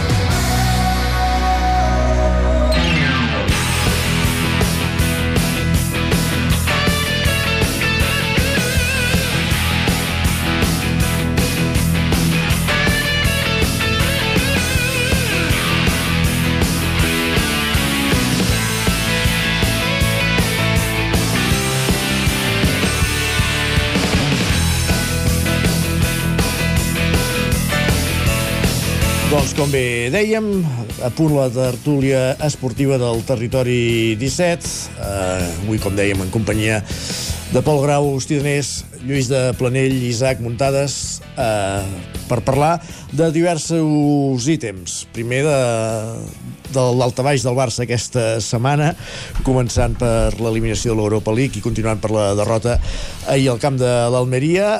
En canvi, bons resultats pel que fa a l'Espanyol i el Girona. Bilbao 2, Girona 3, Espanyol 2, Mallorca 1. I empat del Madrid a casa en el derbi madrileny davant l'Atlético de Madrid, eh, un eh, a un. Eh, Agustí, mm, anava, comencem parlant de, del Barça. El Barça... Parlem del Barça, Eh, oi? Sí, parlem del Barça. Eh, quina sorpresa. El Barça va tenir un accident ahir, no? I Un crec- accident. Sí, sí, sí, un accident perquè ahir era un bon dia ja per posar-se a 10 punts del Madrid, a més era un camp en teoria, el- l'Almeria venia de que n'hi fessin 6 al Girona, no? Sí, sí, tranquil·lament. Uh, però bueno, el Barça ho va fer malament tot i tot vol dir tot, no només els jugadors sinó també l'entrenador l'entrenador uh, fa algunes coses estranyes no? vull dir, ahir l'alineació era estranya llavors fa alguns canvis que que són de difícil explicació és a dir, si tu creus que en Pablo Torre és el clon d'en Pedri posa-li des del principi, no? No esperis llavors quan falten 20 minuts o 25 minuts a fer aquest canvi, va canviar els centrals, no sé, coses una, una mica estranyes i el fet és que el Barça ahir, la veritat és que va donar una imatge molt, molt, molt pèssima, va, va perdre el partit, que també l'hagués pogut empatar, però vaja, en tot cas, eh, malament. Ara, dit això, jo crec que que canvia poquetes coses, que la Lliga està molt encarrilada, el Barça té molt avantatge, el Barça perdrà algun altre partit, de fet només n'havia perdut un, no? i en perdrà algun altre, i el Madrid també també en perdrà. El Madrid hagués pogut perdre el partit, al final el va empatar amb aquest gol de- d'aquest jugador, no? que a més em sembla que havia jugat amb el Girona i, i és, de, és, és de per aquí, aquest el l'Àlvaro, l'Àlvaro Rodríguez, no? que va fer el gol L'Àlvaro Rodríguez. Sí, el del Madrid, el que va fer el gol és Ah. l'Àlvaro Ah, pues, jo pensava al Barça. Rodríguez, però vull dir que, Sí. Que això, no? que, que el Madrid continuarà perdent partits i, i ja està. I parlem de futbol i no parlem dels àrbits, dir, no? Ah, no? No, parlem no vull dir que... Vull ja, dir que ja, ja els teniu en nòmines, no cal. no, vull dir que, que, que, això, que això dels àrbits eh, l'altre dia, per exemple el, clar, l'expulsió del Correa aquest bueno, doncs allò no, clarament clarament no és, no és expulsió clarament, i ja està però vull dir, un altre dia anirà al revés no? per tant no, no, no durem més voltes amb això no? Bueno, tampoc hauria de ser què hauria passat perquè ocasions no en tenia ni l'Atlètic ni el Madrid vull dir que no, però anaven, anaven 0-0 un queden amb 10 no? bueno, i llavors és, és, 10 una, és una jugada que és determinant és una jugada determinant i, i, i, no, és, i no és expulsió clarament dir, no, el que és determinant és el Quim Manzano això sí que és determinant aquest paio Sí, bueno, va, es va equivocar, i ja està, vull dir, aquí no es va equivocar. També les coses, a vegades vistes allà en el directe, tal, els jugadors tampoc ajuden. Vull no, dir. en directe no, perquè no, si, si va mirar el bar Els jugadors tampoc ajuden. però si va no? mirar el bar no, no, em, simplement havia d'anar a mirar el bar sí. I, i hauria vist com ho ho hem vist tot, tots que no era vermella No ja era està. vermella, no, no. Vull dir que eh, justeta groga Sí, Vull dir que en, sí, sí. En, si se'n va al bar i el mira eh, o sigui, i per què no va a mirar al bar això, Bueno, això és el perquè ell no està segur, suposo, del, del que ha vist, llavors ja, i d'allò, i, i li diu, "Home, és un cop de colze, bueno, ja està, no, no, no, no té més. Bueno, el cert és que en eh, tu ha aconseguit... Oh? Eh, en Ruí... Eh, Ah, sí, i, i en Jaume Torres, també. I en Jaume Torres, vull dir que... Sí, és la, és la part bona, aquesta, diríem, no? ha guanyat eh, els dos equips catalans i el Barça. Ah, i, I el Girona què és, perdona? El Girona, el Barça i, eh, i el, el, el Girona, l'Espanyol i el Barça, que va pel seu cantó. Però, però el Girona va perdre la setmana passada. No, no, no, l'Almeria va guanyar... No, Almeria han perdut. Ah, Eh, eh, entesos. els dos equips catalans i el Barça. Els, els dos equips catalans i el Barça, diu. Mare de Déu. No, vull dir que aquesta vegada se n'ha sortit bé ell. Vull dir que... Eh, diguem, has de tenir la pisca de sort que el Barça no, no, no, no, no encerta ni una com va passar ahir a Almeria però vull dir que mm, eh, el, el mèrit de, d'Almeria tampoc s'ha de, de, s'ha de desmereixer El, el, el Barça va, va trobar un patró de bastant un 11, no? Llavors, jo el que no entenc és eh, per què aquests canvis... Això ja va passar també el dia del, el dia del Manchester a casa que, que, que va fer una mena de com una, una mena de rotacions estranyes, no? Vull dir, si les rotacions fes-les el dia del Cádiz, no? No el dia del Manchester, no? però potser pensa en el partit de dijous no? falten molts dies per això i aquests jugadors poden jugar dos partits cada, ca- cada, cada setmana perfectament però vull dir que a més a més jo crec que hi ha, hi ha un tema de, de, de concepte no? de dir uh, tu has de saber a què vols jugar i llavors fer l'alineació hi ha jugadors que sí que són però clar, en Kessier no, e- no, e- que pot jugar en Kessier, però en Kessier no és com en Pablo Torre, són jugadors diferents. Llavors, tu eh, primer has de decidir això. Jo, eh, aquest diumenge, hòstia, dono bastant, bastanta part de responsabilitat, no diguem de culpa, de responsabilitat a la, a la preparació, a la visualització i a la gestió del partit que va fer l'entrenador, que crec que no, que no, és, que no és adequada i després es va perdre, ja dic i, i al final podies haver empatat, no? però no no és una manera d'afrontar el De totes partit maneres, això. jo penso que en aquest sentit nosaltres, l'entrenador de l'Espanyol està, mm, diguem que eh, bé, té una altra mentalitat diferent en en Xavi, perquè en Xavi, si un jugador fa un, un gran partit com en, com en Torres, per exemple, eh, ja, ja, ja es converteix en titular. I, I simplement el que va fer va ser una bona primera part contra no sé qui era, l'últim partit de casa. De qui parles? D'en Ferran, contra el Cádiz. Eh, o sigui, aquell, aquell dia va estar bé, eh, però, però això no vol dir que ja hagi recuperat la forma i no sé quantes coses, perquè ahir va estar especialment bueno, fluix. Però també té baixes, vull dir, al final, clar, no té Dembélé, no té... Bueno, però jo penso que el Barça, no sé, eh, la sensació que em dona és que està arribant en un moment de la temporada una mica cansat, que ja que està fent com una espècie de baixada física i això s'està notant, no? Ja, clar, quan vas a jugar a Europa i, i et trobes al Manchester United que et planteja un partit molt físic, sobretot a segona part, d'anada i tornada, que és que és, és un futbol que el Barça aquí a la Lliga Espanyola doncs, mm, tampoc es, està acostumat a fer-lo Uh, bueno, suposo que li va passar factura i en aquest partit ho ha pagat. I, i l'altra cosa que li passa factura al Barça és que no hi ha productivitat golejadora si Lewandowski no està entonat. Perquè em sembla que hi havia algunes estadístiques d'abans i després del Mundial que portava molt pocs gols després del Mundial i abans n'havia fet, no sé si el doble o el triple, vull dir. I, i si Lewandowski no funciona no tens Dembélé, que és l'altre jugador anava a dir que et pot fer gols, però bueno, tampoc és el que fa més gols però el produeix molt en atac i els altres jugadors no estan entonats eh, doncs clar, costa fer gols i, i al final el Barça que aquest any s'havia caracteritzat una mica per això, que n'encaixa pocs uh -huh. i, i realment en va encaixar un vull dir, tampoc no... però bé, sí, sí, va ser això, suficient però em refereixo que, uh -huh. que, que, la, que hi era molt bon dia per posar-se 10 punts però que l'avantatge és, és molt important perquè encara... Però és un partit menys, eh? Sí, però 7, 7 punts és molt avantatge. Vull dir que al final, Bueno, si, si, no, no. si, no enca si no encaixes tampoc, bueno, jo crec que la Lliga Jo- està guanyada, penso. Eh, sí, jo no, jo crec que encara no, però... Parla de guanyar el Madrid. Va, si no, no vindria. Jo la setmana que ve no vinc. Si em diuen que la Lliga ja està guanyant, no torno a venir. No, però, clar, aquesta setmana sí que hi ha el partit aquest de Copa del Rei, que, ostres, depèn com vagi el partit, el Barça mm, pot començar a venir-se baix, eh? Uh, És una altra, Totalment, eh? Vull és dir. una altra competició. Bueno, eh, també era una altra competició a l'Europa League i jo crec que ha afectat l'eliminació de l'Europa League. No sé, aviam, l'Almeria tampoc és l'equip més potent de, No, de la Lliga Espanyola, no? Coinci no, no. coincidirem amb això, no? Sí, sí. Que el Girona li va fer, li va fer sis l'altre dia, eh? Clar, clar que el Girona també està molt bé ara, eh? Vull dir que també va guanyar el camp de l'Atlètic de Bilbao i vull dir, estava en un bon moment de forma, però ostres, no sé, el Barça jo crec que hauria d'haver guanyat bé, no? L'Almeria o... Bueno, els pronòstics segur que les cases d'apostes eh, Sí. aquest resultat el pagaven molt bé, vull dir, això és així. No, I que no xuti el Barça fins al minut 81 entre els tres pals, també és una notícia, Clar. eh? Clar, clar. I, Sí, i per sí, cert, què n'opineu de la golejada del, del Madrid al camp del Liverpool, que no, no, no n'hem dit res i, hosti, jo, jo volia destacar-ho Fa perquè... molts dies d'això, no? No, Bueno, però clar, no n'havíem pogut parlar i, ostres, eh, a diferència del Barça que, que no pot ni guanyar, la, ni guanyar un partit a la segona competició europea, doncs bé, el Madrid sí. Eh? A la Deien que- segona- No, és espectacular, és espectacular. Sí, això és la segona competició europea a l'Europa League, sí. Fer cinc gols Madrid, eh, eh, Sí, no és, no és, no és habitual, això a vegades passa. A- a veure, el sí. A Liverpool, del el Liverpool. Liverpool, sí, no, no. bueno, és, és que és I a més a més, No, ta, de fet- i a més a més amb tan poc temps i tal com anava el partit perquè clar, perdent 2 a 0 Sí, sí. penses aquí sortiran escaldats no?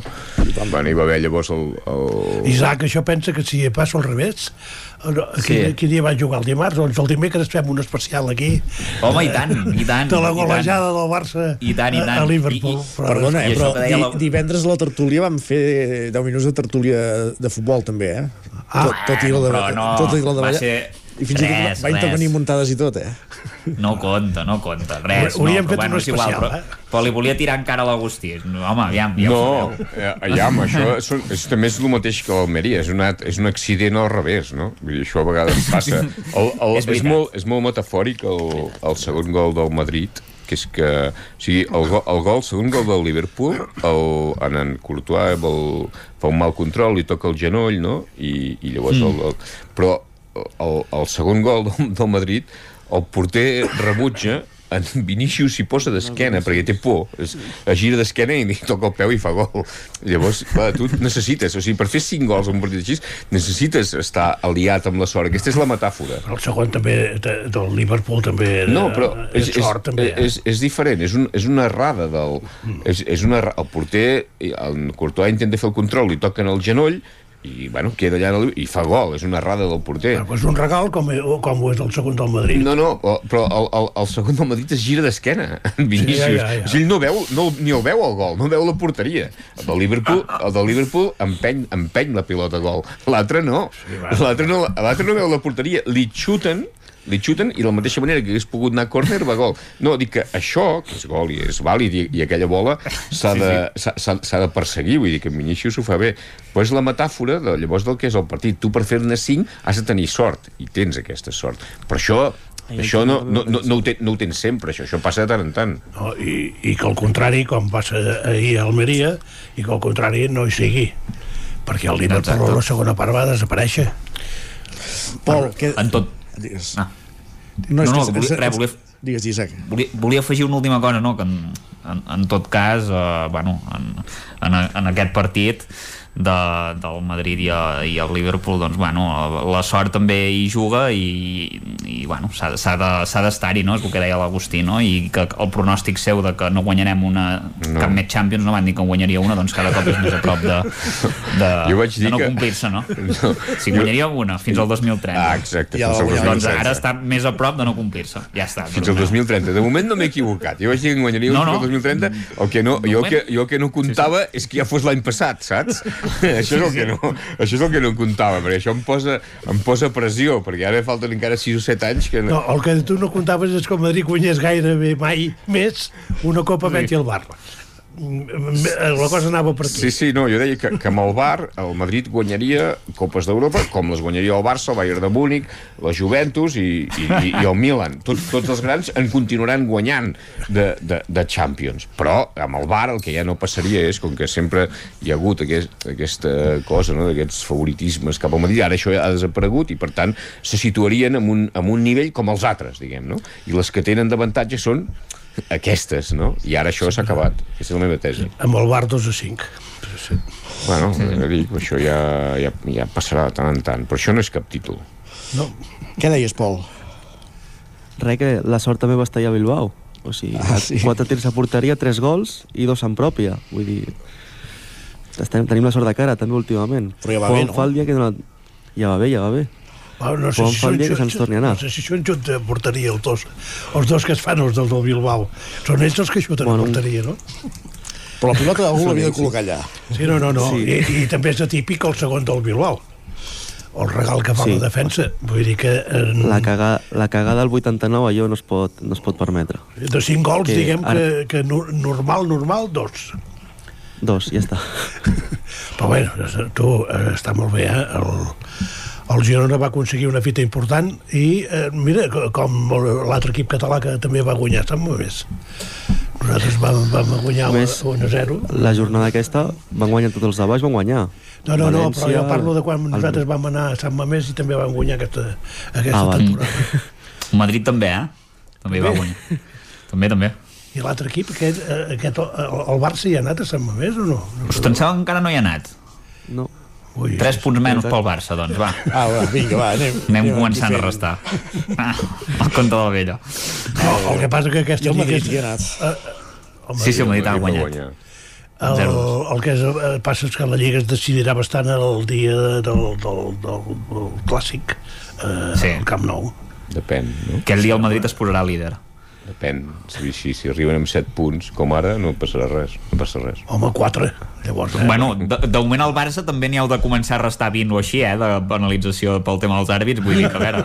No. Home, clar, 20 o descens, és que clar, és que aquí... No, home, no. Això no ho faran pas. Però és que això no... Bueno, ja ho veurem, és ja ho que, veurem. És que no hi ha tema aquí. No Home, ha i- tema, la FIFA i la UEFA... la- Juventus, No ha prescrit, eh, per la FIFA i la Però és, UEFA. que, però és que què ha de prescriure? És que no hi ha cap delicte aquí. És claríssim. Com que no hi ha cap delicte? No, no. Vale, vale, res, no dic res. Això el problema... És veritat, el vicepresident del Col·legi és que això, això, eh? això el problema, Sí. això el problema saps, saps quin és? O sigui, això és? és, és fatal, fer això. Això és, està molt malament. O sigui, és, indi és, Ah, és, vale. és, és indignant fer això. Però el, el problema no, no és el que fas. El problema és la intenció per la qual ho fas. És, o sigui, el Per problema és aquest-. Però, però, però això, això, la intenció, no, es, no mai es podrà demostrar. Però el problema és la No, intenció, clar. no és el fet. El fet que tu encarreguis un, uns informes i aquests facin orals o facin... Això, eh, eh, això no, no, no té problema. El problema, és, el problema és per què ho fas, això. Hosti, si mates una persona sense No, intenció... no, no, no, no, no, no, no, no, no, no, no, Si no hi ha és, és, intenció- és, és al revés, és que el problema és la intenció, és aquest el problema. A mi el que, a mi el que em sap greu, com a aficionat del Barça, és que, és que contractessin aquesta empresa pensant que així els àrbits els afavoririen. El problema és aquest, això és indignant. Això, Ah, però, però això, això és la intenció, indignant. no, doncs, que els Sí, sí, afavorissin o què? eh, per això ah, dic, vale. el problema és la intenció, però això, insisteixo, que això seria el delicte, això no es pot demostrar. La intenció no la pots demostrar, no. perquè tu el que pots demostrar és dir, aquests tios han fet uns pagaments amb, amb aquest, i aquest ha prestat uns serveis. Vale? Doncs això no... Aquí no hi ha, Quins serveis? Un de, no Uns sé què, de, de, eh? de, Quin- quins serveis ha fet? Sí, amb uns, uns, uns i- informes. I, i però el problema, el problema és... Però no la, el, el problema és la intenció per la qual es fa això. És això lo indignant i el que no hauria d'haver permès ningú. Aquí, Saps amb, amb tots saps aquests anys... dona del saps- César, que ho ha de amb- semblar? Sí, sí, per això doncs, dic. Per és això que dic. si tu tens el vicepresident Per això del dic, comitè aquest tècnic és el problema. d'àrbitres Aquest és el problema. És que amb, amb tot això saps qui és? L'únic, l'únic, amb tots aquests anys, l'únic que ho ha fet bé és el, el que un dia va decidir plegar. O sigui, va decidir deixar de fer-ho. Per què? Perquè va deixar Bueno, de, doncs per això, de ser vicepresident. Doncs, doncs per això, el problema és la intenció d'això, és la intenció. Però això és, és fatal. Vull dir, això, en el seu dia, això va començar al Villarreal que va, posar, que va, que va contractar l'Ansuategui Roca. Per què el van contractar l'Ansuategui Roca? Però de delegat. Sí, però per què el van Però també ho va contractar? fer el- l'Ossassuna. I el Madrid? Però per què? Per què? El Madrid, Però- per però- què? però- però no per què? el- eren àrbitres. Però no està en el comitè Ja no del eren. vicepre- Però és igual. Però està en el o sigui, no, no, és No, aquest- no, no és igual, Sí, no sí, mateix. és, sí No, perquè és la no, intenció. Per què contracten, No. per què contracten exàrbitres? Per què, Lluís? Però- per què? però- però- per però- què? dins del comitè Aquests d'àrbitres- Però per què? perquè Perquè, això- perquè ha perdut els telèfons dels, dels altres seus col·legues, No, perquè, no, no, perquè no es això no. coneixen. Sí, aquest que va fitxar el Madrid, el, el, el, que- el que va fitxar el Madrid, a la primera portada que li van fer al Marca va dir que era, que era del Madrid des de petit. bueno, Bueno, però a veure, I- i- però era de i- Madrid, i- no i- podria i- pas xiular al i- Madrid. i- i- tampoc. per què no agafa una- I en el- Ramos Marcos... Però si El, això, el Barça per què no agafa un àrbitre català? el, el problema Per és, és que el Barça, jo estic... O sigui, penso que, que està molt mal fet, això, però que, no, hi- però que us sàpiga greu o no, el, el, o sigui, el problema és que perds reputació, que, que, que, que quedes eh, fatal, que estem emprenyats. A mi ho trobo indignant, això del Barça, ho trobo indignant. Però el problema és la intenció, no és, no és el fet. El problema és de dir, farem això perquè així els àrbitres aniran a favor. Agustí, Aquest és el problema. Agustí, escolta'm, Aquest escolta'm, és el problema. escolta'm, jo al Madrid, deixes- només, només per entendre el Madrid, aquest, el, el Madrid fa, fa el mateix i també, i també està mal fet. Vull dir, que aquest àrbit... Per, per què agafen un exàrbit? M'explico? Per què? Oh. I per què no agafen No, un no, exmecànic? Per què? Hi ha molta No, per què? Perdona, perquè el ha delegat molta ha de diferència. tractar molts àrbitres. Ah, aquí, ah, aquí està. I per tant, com que, i com que són amics i es coneixen i tal... Això, Bueno, però és que si hi ha això, plegat, això és és que no hi ha conflicte normal. d'interessos. És que el problema és que El el Barça tenia comprat el el, el, vicepre... el Manlleu, quan jugava a segona B, hi havia una temporada que se'ls hi va acudir, els hi donaven una panera als àrbits. Per què els hi donaven? Perquè, veritat. per, perquè, perquè s'abolissin els productes de la plana de Vic? Els hi donaven per això? Però abans del partit, eh, Els, els hi donaven per això? Perdona, jo abans del partit també ho fèiem a, a Vic, I per què ho fèieu? uns pals de pessic i una, una I, I per què ho fèieu? No, Per què ho fèieu? Perquè en xiules dos penals a favor, home, no fotis. Per què ho fèieu? No, doncs per què, per què ho Per ser fèieu? educat. Per no, ser no, educat. no ho feies. Per no què ho fèieu? No ho feies, perquè... Eh, Donàveu pa de t'afavories. pessic? Per què ho fèieu? A més, hi ha, hi ha, Perquè estessin la contents. majoria d'equips de primera divisió ho feien. Per- Te, te'n recordes de Gil Manzano, que va sortir del canvi del, del Villarreal, carregat de bosses del Villarreal? No me'n recordo, però doncs, doncs molt malament. No, jo el que Doncs dic... molt malament. malament, diu. Doncs molt Ostres. malament. Jo el que dic no, és- ceràmica. Doncs Jo- molt malament. Jo el que dic és que eh, el comitè tècnic d'àrbitres, mentre ho és, rep Sí. un sou del Sí, sí. Barça. I quan deixa Sí, de sí. ser-ho, ja no rep el sou del Barça. Clar. Exacte. Doncs, Per això, esclar, el, el, problema, cosa ja és sí, el problema és la intenció. Però sí, per què ho feien, això? Perquè volien que els afavorissin. És aquest el problema. Ah, Ara, doncs- és, que no és, és, és aquest. Jo, jo, a Madrid, jo a Madrid, per què? Per I els van afavorir o no? Jo, jo, jo crec que no. Només, Doncs a més burros. És clar, és que és, és, que és aquest, és que el tema és aquest. Cornut, cornut i pagar el Per veu. això dic, per això dic, si va haver un gol que, no sé, al camp del Betis que va entrar a mig metro, no- o sigui, això és perdre el temps. I a més a més, quedes malament, queda, és, és la reputació, va en contra de tots els principis de l'esport, és fatal. O Itàlia, què ha passat amb la Juventus? El... Però és diferent, la Juventus comprava No, no és àrbitres. diferent. Sí, home, sí. Com que... I el Barça no? Vale, el Barça no. jo, jo, el Madrid, Ja aquest, el Madrid aquest, aquest àrbit que, que van fitxar, jo dic, per què no fitxaven un, un, un de la Universitat Autònoma de, És de un Madrid? especialista, que hauria eh? no? I la, la, la, la dona, del, la dona de- de- d'aquest d'aquest que té el Madrid en nòmina està en el comitè Ah, sí, tècnic hòstia, ja traiem coses del món deportiu que van estar tres dies per intentar treure alguna cosa, fem- que no fem- té cap femení. mena de sentit. Sí, Increïble. no. No, no aquí té cap el, mena el de problema és sentit. que, es- és que es faci això. De totes I- maneres, el Madrid és l'únic equip que no ha criticat... Eh, eh, Lògic. el, Perquè esclar, estan amb la Superliga. Si no hi hagués la Superliga, jo seria el primer... Bueno, jo vull que baixi el Barça no, i perquè, i perquè tenen aquest d'allò i perquè... No, no, clar, és que... I el que a i el, i el Villarreal, insisteixo, va fitxar l'Ansuata Roca. Per què? No, no, ja, ja dic que abans, el primer de tot ho va fer l'Ossassuna. El primer, el Villarreal, Eh, l'Ancelotti i no, Roca. no, però, eh, no, el primer Ossassuna que fa molts anys, que tu no hi eres. Imagina't. Eh, vull dir que eh, no, no me'n recordo el nom. Molt malament, el Barça ho ha fet molt malament, això. Molt malament, molt malament, molt, Aquesta molt. setmana ha estat fantàstica. Molt malament, el Barça. Nois, parlem la setmana vinent. Moltíssimes gràcies a tots quatre. Bon dia. Bon dia. Bon dia. Acaba la tertúlia del Territori 17 i acabem el Territori 17 d'avui dilluns, 27 de febrer de 2023. Hem començat a les 9 del matí, us hem acompanyat des d'aleshores. Roger Rams, Laura Serrat, Beba Costa, Esther Rovira, Guillem Sánchez, Isaac Montades, Pol Grau, Lluís de Planell, Agustí Donés, Sergi Vives, Clàudia Dinarès, Isaac Marino. I tornem demà, a partir de les 9. Fins aleshores, bon dilluns i gràcies per ser-hi. Adéu-siau. Territori 17, un magazín del nou FM. La veu de Sant Joan, Ona Codinenca i Ràdio Cardedeu amb el suport de la xarxa.